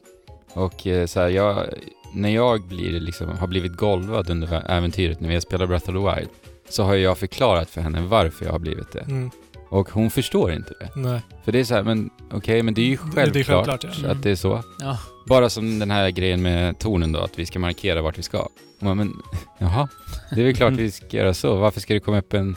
Varför, varför ska spelet säga till dig vad du ska göra? Då är, Ja. det, då är det väl inget spel, sa hon. Ja. Ja, nej, det är sant. Det är så intressant att få just icke-gamers perspektiv på Ja, spel det, verkligen. Men ja, men som sagt. eh, Man kan göra vad man vill i spelet i princip, men vi har också upplevt den här sorgen när det väl kommer upp den här eh, att man inte kan gå längre. Men snart i sommar Ja. och framförallt kanske i vinter Ja. så kommer vi kunna göra det. Vi kommer kunna gå någon merstans åtminstone. Ja, Eh, och- Kasta oss över den som flugor över... eh, Ja. Ja, det kommer man Alltså, jag, jag har en känsla av att det kommer vara lika... Man kommer vara lika taggad den dagen som jag var nu. När, Ja, kanske nästan lite mer för att du vet hur Precis. fantastiska upplevelser du kommer kunna få. Innan, Mm, innan så var dina förväntningar ändå för låga trots att de var skyhöga. Alltså jag hoppas, att, jag hoppas att Nintendo har eh, blickat lite mot, eh, vad heter de nu? CD Projekt. Ja. Släppte, Ja. gjorde med Witcher. sitt eh, Witcher 3 DLC, för de la ju ner enormt mycket resurser och gjorde ett gediget eh, DLC. Så det blir Mm. nästan ett litet spel i sig Expansion. extra. Ja, men det är det jag tror Nintendo kommer vilja göra, för de har varit duktiga på sina DLC. Om vi tittar Mm. på vad de gjorde med Mario Kart 8, Ja, de fyllde verkligen. på med karaktärer till Smash och Mm. jag tror att de... eh, Ja, men de fyller inte DLC med blaja. Nej. Nej. Nej. Jag sa ju att jag är ju stort fan av Link to the Past och eh, i Link to the Past har vi såklart Darkworld. Jag hoppas Mm. att man, det utspelar sig, att Ja. man, man gör om hela den här världen till Darkworld Mm. och förvränger den något. Ja. Det skulle bli eh, jäkligt häftigt. Det kanske är Kilton som är nyckeln till det. på Ja. man har maskerna där. Ja. Ja. Nej men det hade varit riktigt häftigt att liksom uppleva Hyrule fast från den mörka sidan. Ja, Mm. häftigt. Och sen på något sätt, ja precis, att, att Hyrule Castle, det kanske blir tvärtom då. Att Hyrule Castle är det enda i light. den världen Ja. som är Ja. levande. Där Ja. inne lever alla människor fortfarande det. som de gjorde, förutom att de kan inte röra sig utifrån den ytan. Ja, just det. Mm. Ja, För just nu är det ju det. så i spelet att det enda som är korrumperat egentligen är ju Hyrule Castle. Ja. Nu när Mm. man har rensat upp resten av världen. Typ. Mm. Så det är häftigt att invertera det. Ja, verkligen. Ja. Ja, jag, jag eh, tror ju faktiskt inte att det kommer vara liksom så omfattande DLC. Utan jag En tror mest att vi kommer få... Vad sa du? En 3DS-tröja i en kista. Nej. Eh, men kanske liksom något nytt område och massa nya shrines och en liksom ny Mm. storyline. Ny Dungeon vet vi ju. Mm. Mm. Ja. Den ska vi komma redan i... Det är den som ska komma i sommar. Nej men, eh, jo nu tänker du på eh, Hard- Cave of Trials just som släpptes till Twilight. Princess. Ja precis, och Hard Mode. Kommer ju komma i sommar. Mm. Men en ny Dungeon vet vi i alla fall. I, Frågan är vad, det är som är så spännande just med Dungeon och, eh, och Story. Shrines. Hur, vad, Ja. precis, vad, vad ska de göra för att berättiga? Det kan ju inte bara vara så här, ja men Nej. nu kommer han tillbaka en sväng. Du, Nej. du, måste Nej. ha en, du måste ha en Dungeon till. Nej men det liksom. måste ju vara ett nytt område. Ja. Just för att spelet är ju designat för att utforska. Och vi har ju Mm. redan utforskat allt Ja. nu. Mm. Precis, det vore ju liksom. tråkigt om det bara så här Komma blev- upp en ny shrine någonstans. Ja, precis. Så. Nej, men det, det måste ju vara det, något nytt. det måste vara något nytt. ja. Och frågan är vad det är då? Ja. Vad kan det vara med det man vet liksom? Men jag, Ja. jag tror att vi kommer kunna bli golvade, men jag tror inte att... Alltså, jag önskar ju att det är en Dark World, typ. Mm. Eller någonting liksom så stort. Mm. Eh, men jag ser det som ganska osannolikt. Men det är ju så långt fram också, det är det som är Ja. intressant. Att det, är ju Ja. näst, det är ju liksom, vad är det, nio månader efter spelet Ja, släppts. och säkert har hon jobbat på det ett tag Ja. också. Mm. Så det, det borde ju inte bara vara eh, en 3DS-tröja i en kista liksom. Nej. Det. Nej men det tror jag. Kanske någon... eh, Ja det är kul. Ja. Drömmen är väl att de kanske gör någon Majora's Mask av det hela. Ja, men typ ett helt nytt spel, Spel, i ja. samma motor. ja. Eller kanske sätt. spela som Zelda. Ja men för att alltså det? Majora's Mask Jo. gjorde de på ett år. Ja. De har typ ett år på De har jag läst Så allting. Ja. Vad sa du? Ja, de har jag läst och allting liksom. Ja. Och mekaniken och allting. ja men Precis. som de gjorde med Super Mario Galaxy och Galaxy 2 liksom. Ja. De bara hade så mycket idéer och bara fortsatte utveckla det. Liksom. Mm. Kanske. Ja, det ska bli extremt eh, spännande, spännande att se. verkligen. Men sen tänker jag också på slutet. Ja. Hur spelet slutas. Jag tänker ju så här. Det skulle ju kunna fortsätta. ja, precis. med tanke på vad Zelda eh, säger där. Om Fabian vill ha det för öronen så får han göra det. då, Mm, Men, jag gör det. men ja, precis. Hon säger ju... eh, Att vi ska eh, bygga upp Hyrule igen. Ja, och att Ruto har ju Mm. slutat fungera säger hon också. Och då trodde Precis. jag det var en tillbakablick. Gjorde du också det? Gjorde ni också det? Att, för hon säger ju typ så här, "Ja, men vad Ruto has stopped working, we need to investigate. Ja. Då trodde jag först att det var, jaha, det var en tillbakablick nu. Sen visade det sig att det, att det var i nutid. Nej, jag tänkte inte Så jag har inte det. gått till det. Varuto än. Det kanske är så att... För det här kommer ju efter credits. Ni har sett Ja. det va? Ja, just det. Nej, jag gjorde inte det. Jag, Nej, jag, jag gick ju därifrån. Men har du sett det på YouTube eller? Eh, Nej. För att man får ju ett, en sista minne e- efter Ah, okej. credits. Och det säger ju Zelda som du säger, vi ska bygga upp det liksom. Mm. Och hon har också tappat sina krafter säger hon och hon Mm. är okej med det. Hon ler ju. Det är så sjukt att, det, att man, enda gången man får se i le nästan är om man klarar alla minnen och ser Precis. efter credits. Mm. Men, och så säger hon ju typ att Varuto har slutat funka, vi måste gå dit och kolla vad det är som har hänt. Mm. Så jag, jag, det borde jag göra, det har inte jag gjort än. Men borde gå dit. Varut är ju elefanten. Elefanten, ja, precis. Så... Ja, så jag tänker kanske får vi en vidare, om, om inte det funkar då, att Ja. gå dit nu. Så kanske det kan vara Ja, dels Mm. att det fortsätter. det borde ju vara det. Ja. det är ju så väldigt öppet. ja, Det är ju väldigt tydligt att de lämnar det ganska... exakt. Däremot kan det kännas lite konstigt att släppa DLC där man måste ha klarat hela spelet. DLC brukar ju Ja, det är vara... Sant. Dark Souls gör ju det och det gillar jag Ja. inte. Det är så, eller inte hela spelet men en bit in i spelet. Ja. Precis. Ja, nej, precis. Det känns ju inte Nintendo-likt heller riktigt. Nej. Att, Nej, det har du faktiskt rätt i. Men det är just därför kanske det kan bli någon avstickare liksom. Ja. Någonting helt annat i, med samma assets och allt. Vi får se. Välkommen tillbaka Fabian. Oerhört eh, förväntansfull i vilket Mm. fall. Men nu Och när jag vi... längtar. Det här, alltså det här är nog det jag längtar mest efter i år. det här året. Och Odyssey. Och Mario Odyssey. Årets spel blir DLC till Ja. Breath of the Wild. Men jag tänker så här, nu när vi har alla spelat Breath of the Wild och vi har fått se ett Zelda i en helt ny tagning, Mm. så blir det här, eh, då börjar man direkt fundera på hur ska de kunna överträffa sig själva i Ja. framtiden? Det går inte har jag tänkt hela tiden. Det går inte, det kommer inte gå. Det här kommer vara det bästa spelet. Men ja. Ja, de har hintat om att eh, det här är vägen framåt för 3D Zelda nu. Ja. Det är nog Mm. man sagt att Open Air, som de kallar det, är så härligt att de har Ja. För de har ju Såklart, ändå, Nintendo. de har ju ändå rullat lite på samma mall sen eh, Ocarina of Time. Mm. Ja. Gjorde väl delvis en av- avstickare där med eh, Wind Waker som var lite mer öppet. Mm. Mm. Absolut. Men, eh, Men aldrig en sån här förändring har vi sett. nej, det är Nej. ju väldigt stor, stor Nej. förändring i Zelda. Det är ju som Mm. sagt så, som att gå från eh, Link to the Past till Mm. Ocarina of Time. Det är ju verkligen den känslan. Ja. Fast det inte är någon ytterligare dimension. Men det är nästan det Mm. ändå. Jo, men jag tänker att eh, de kanske kommer att implementera lite mer liksom klassiska Zelda-moment i en sån här öppen värld. Lite mer som en Link to the Past var. Mm. Mm. Eh, för, för det hade ju liksom en linjär storyline även fast du kunde gå mest vart som helst. Men du, kom, du stötte även på väggar eh, som du uppenbarligen behövde något annat föremål eller Mm. någon annan förmåga för att kunna ta dig över. Men hur tror, Och de, lite sånt. hur tror de då rättfärdigar att man plötsligt, man har hela världen först och sen, sen, Mm. sen börjar de snäva in dem. Riskerar inte det att spelare blir liksom frustrerade? Eller, liksom? Eh, eller är alltså- världen, så, världen kan ju vara så stor som man får både det och sen också lite mer avstängda områden kanske det är. Mm. Eh, ja, precis. Ja. Eh, Det är svårt. ja, ja, Det kommer vara svårare för dem att designa det känns det, det tror jag också. Eh, men samtidigt så, så, som sagt, Breath of the Wild är någonting annorlunda. Ja, men precis. jag det saknade där kommer ju det bli något ändå. annorlunda Ja. också. I så fall.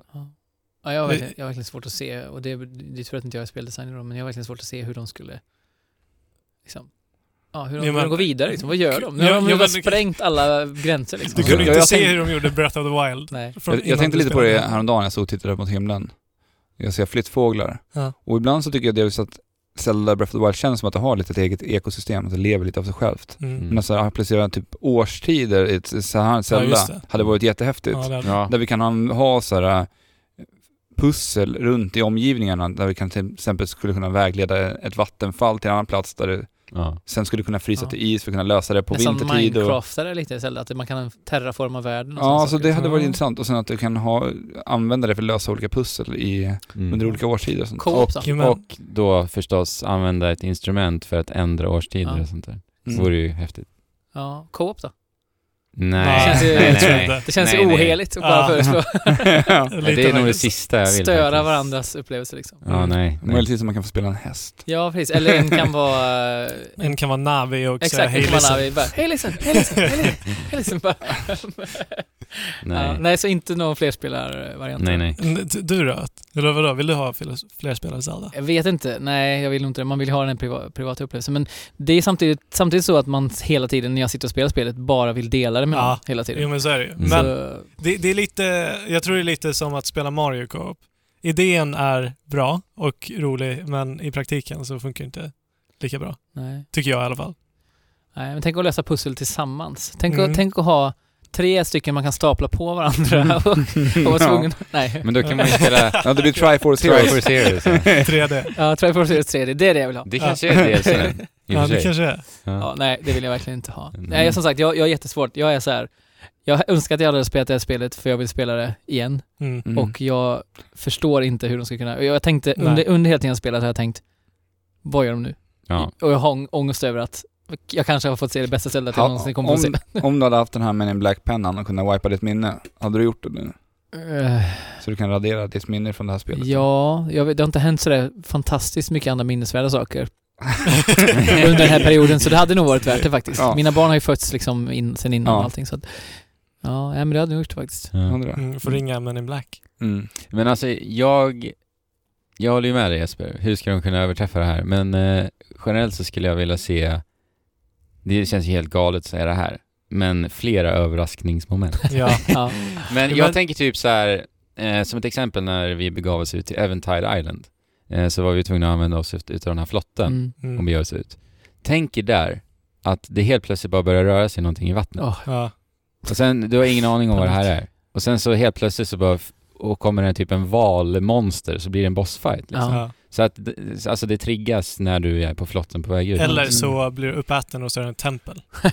Ja, men, ja, Som, men, men- eh, vad heter den, eh, ja, i uh, Ocarina of Time finns det ju en. Men den här typen Jabu av... Jabu. Ja, Den här typen av överraskningar tycker jag finns redan i Ja. spelet. Ja. Men mer för få, ja. Ja, men Och- precis. och- och Lite mer Dark Souls-överraskningar. lite Ja, mer, sånt. bättre variation på dem också, för vi får ju Ja. möta många hin också. och Sten, Ja, Ja, fler minibossar liksom, Ja. som är unika och som eh, försvinner ifrån världen, vill jag också säga. Ja. Jag förstår ju varför de inte gör det nu, för att eh, det handlar ju om att hitta material och Ja. sådär. Men det skulle kunna finnas bossar som... Inte Är ens droppar till något- material utan, utan droppar någonting permanent Ja, vapen typ. precis. Jag satt hela tiden och drömde om att vi skulle få hookshot i det här spelet, för det hade varit väldigt Mm. kul Ja, att kunna det. leka med enterhake i Ja. eh, Ja. Zelda. Det hade funkat. Ja, Ja, faktiskt. de, det var ju med tidig utveckling, sen Tog de bort det? tog de bort det. Ja. Mm. Men ni tror, ni tror inte att de går till uh, Cyberpunk Zelda? Jag hoppas innerligt inte det. Alltså jag älskar ju high fantasy. Jag vill, Ja. jag vill att det ska vara high fantasy. Jag vill inte att det ska bli där Link kommer på en motorcykel. Och, Mm. och jag, det känns liksom lite för mycket hädelse för att det ska vara okej med mig. Ja. Det, det kan de göra, göra i, det kan de göra i IP. 2D Zelda i så fall. Som är lite mer eh, experimentellt liksom. Ja. Ja men eh, fler överraskningar. Bara så här, tänk er om ni klättrar upp på, på en bergstopp. Musiken försvinner. Ja. Sen ser ni att det kommer någon fågelliknande monster i horisonten, plockar upp dig, tar dig till en plats och sen är det en bossfight. Liksom. Ja. Mm. Ja, Lite det, sånt. det känns ju inte som att det är speciellt långt borta heller att det skulle nej, kunna bli nej. så. Nej, det är inte det. Eh, Så vi har, vi har en av våra livs spel, spelupplevelser bakom oss men med löfte om att kunna få ännu fler, Ja. ännu bättre sådana här spelupplevelser. Det är ju en härlig tanke att ha så här i slutet Ja, det på den här Ja. Zelda-fyllda... Och det bästa av allt är att spelet har ju blivit så himla hyllat som det har blivit och spelbranschen kommer ju förstås titta på det här. Jo Och, men alltså, eh, Assassin's Creed om två år kan inte följa samma mall. Nej, för det ser ut som ett, ett, ett pong Ja, i Mm. jämförelse. ja precis. så primitivt. Ja. Verkligen. Eh, Så Nintendo tvingar spelbranschen framåt i och Jo, men det, ja, det Det behövs. har de gjort ett par gånger. Ja. Ja, verkligen. Ja. ja. Jajamän. Mm. Slut på ord som det här spelet eh, får en att känna emellanåt. Alltså det, det går ju naturligtvis fortfarande att prata ändlöst. Vi har inte ens Om pratat om minispelen Nej. som finns där ute. Nej, det är, det är mycket vi inte hunnit prata om, men, Ja, men tiden, tiden är en liten begränsning. ja det är. Eh, Så att du får, du är väldigt välkommen tillbaka ja. när du vill Jesper. Stort tack. Jag, ja, precis. Jag ska inte vara med så ofta så att det blir en fyrkraft, men eh, jag vill gärna vara med. Alltså du vet, du vet, det finns teorier där ute om att det, liksom, det finns fyra krafter. Vad skulle den fjärde Eh, vara då? Den tredje, eller den fjärde är eh, den tre kraften i mitten. Just det. Och det ska vara the dark force. Okej, liksom. så det är jag som är Jag vet inte, men... fin- Eller så har vi The Dark Force inom oss nu och vi Ja. behöver dig. Precis. Spännande. Ja. Nej men eh, ska vi, ska vi packa ihop? Ja, Ja, nu är det Det dags. blev eh, ett långt spoilercast-avsnitt. Första gången vi Ja. gjorde detta. Ja. Men eh, det är det- väl lite tanken med Spoilercast också. ja och Ja, dela precis. jättegärna med er av era små anekdoter Ja. för vad ni har träffat på och gärna saker som vi kanske inte har nämnt, som vi kanske inte ens har sett i spelet. Ja. Det Ja. finns ju säkert sådana saker som ni har sett Precis. som inte vi har.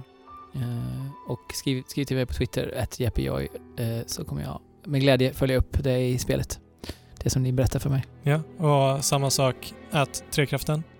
Mm, precis. Ja. Och- Eller besök vår hemsida. Ja, där eh, länkar till alla sociala medier finns. Ja. Youtube och Discord kan man ju... Om man vill prata om Breath of the Wild så kan Mm. man komma till vår Discord-kanal. Precis. Och hemsidan är trekraften.net. Yes. Och Jesper, tack så hjärtligt att du ville komma.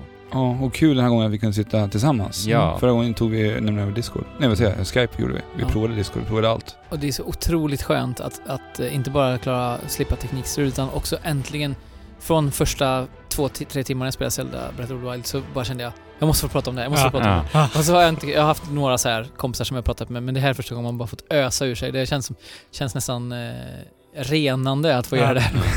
Så nu kan jag sova gott för första gången på eh, fem veckor. På fem veckor. Ja men vad härligt. Med det så säger vi spela på och Chip, tjola, hopp!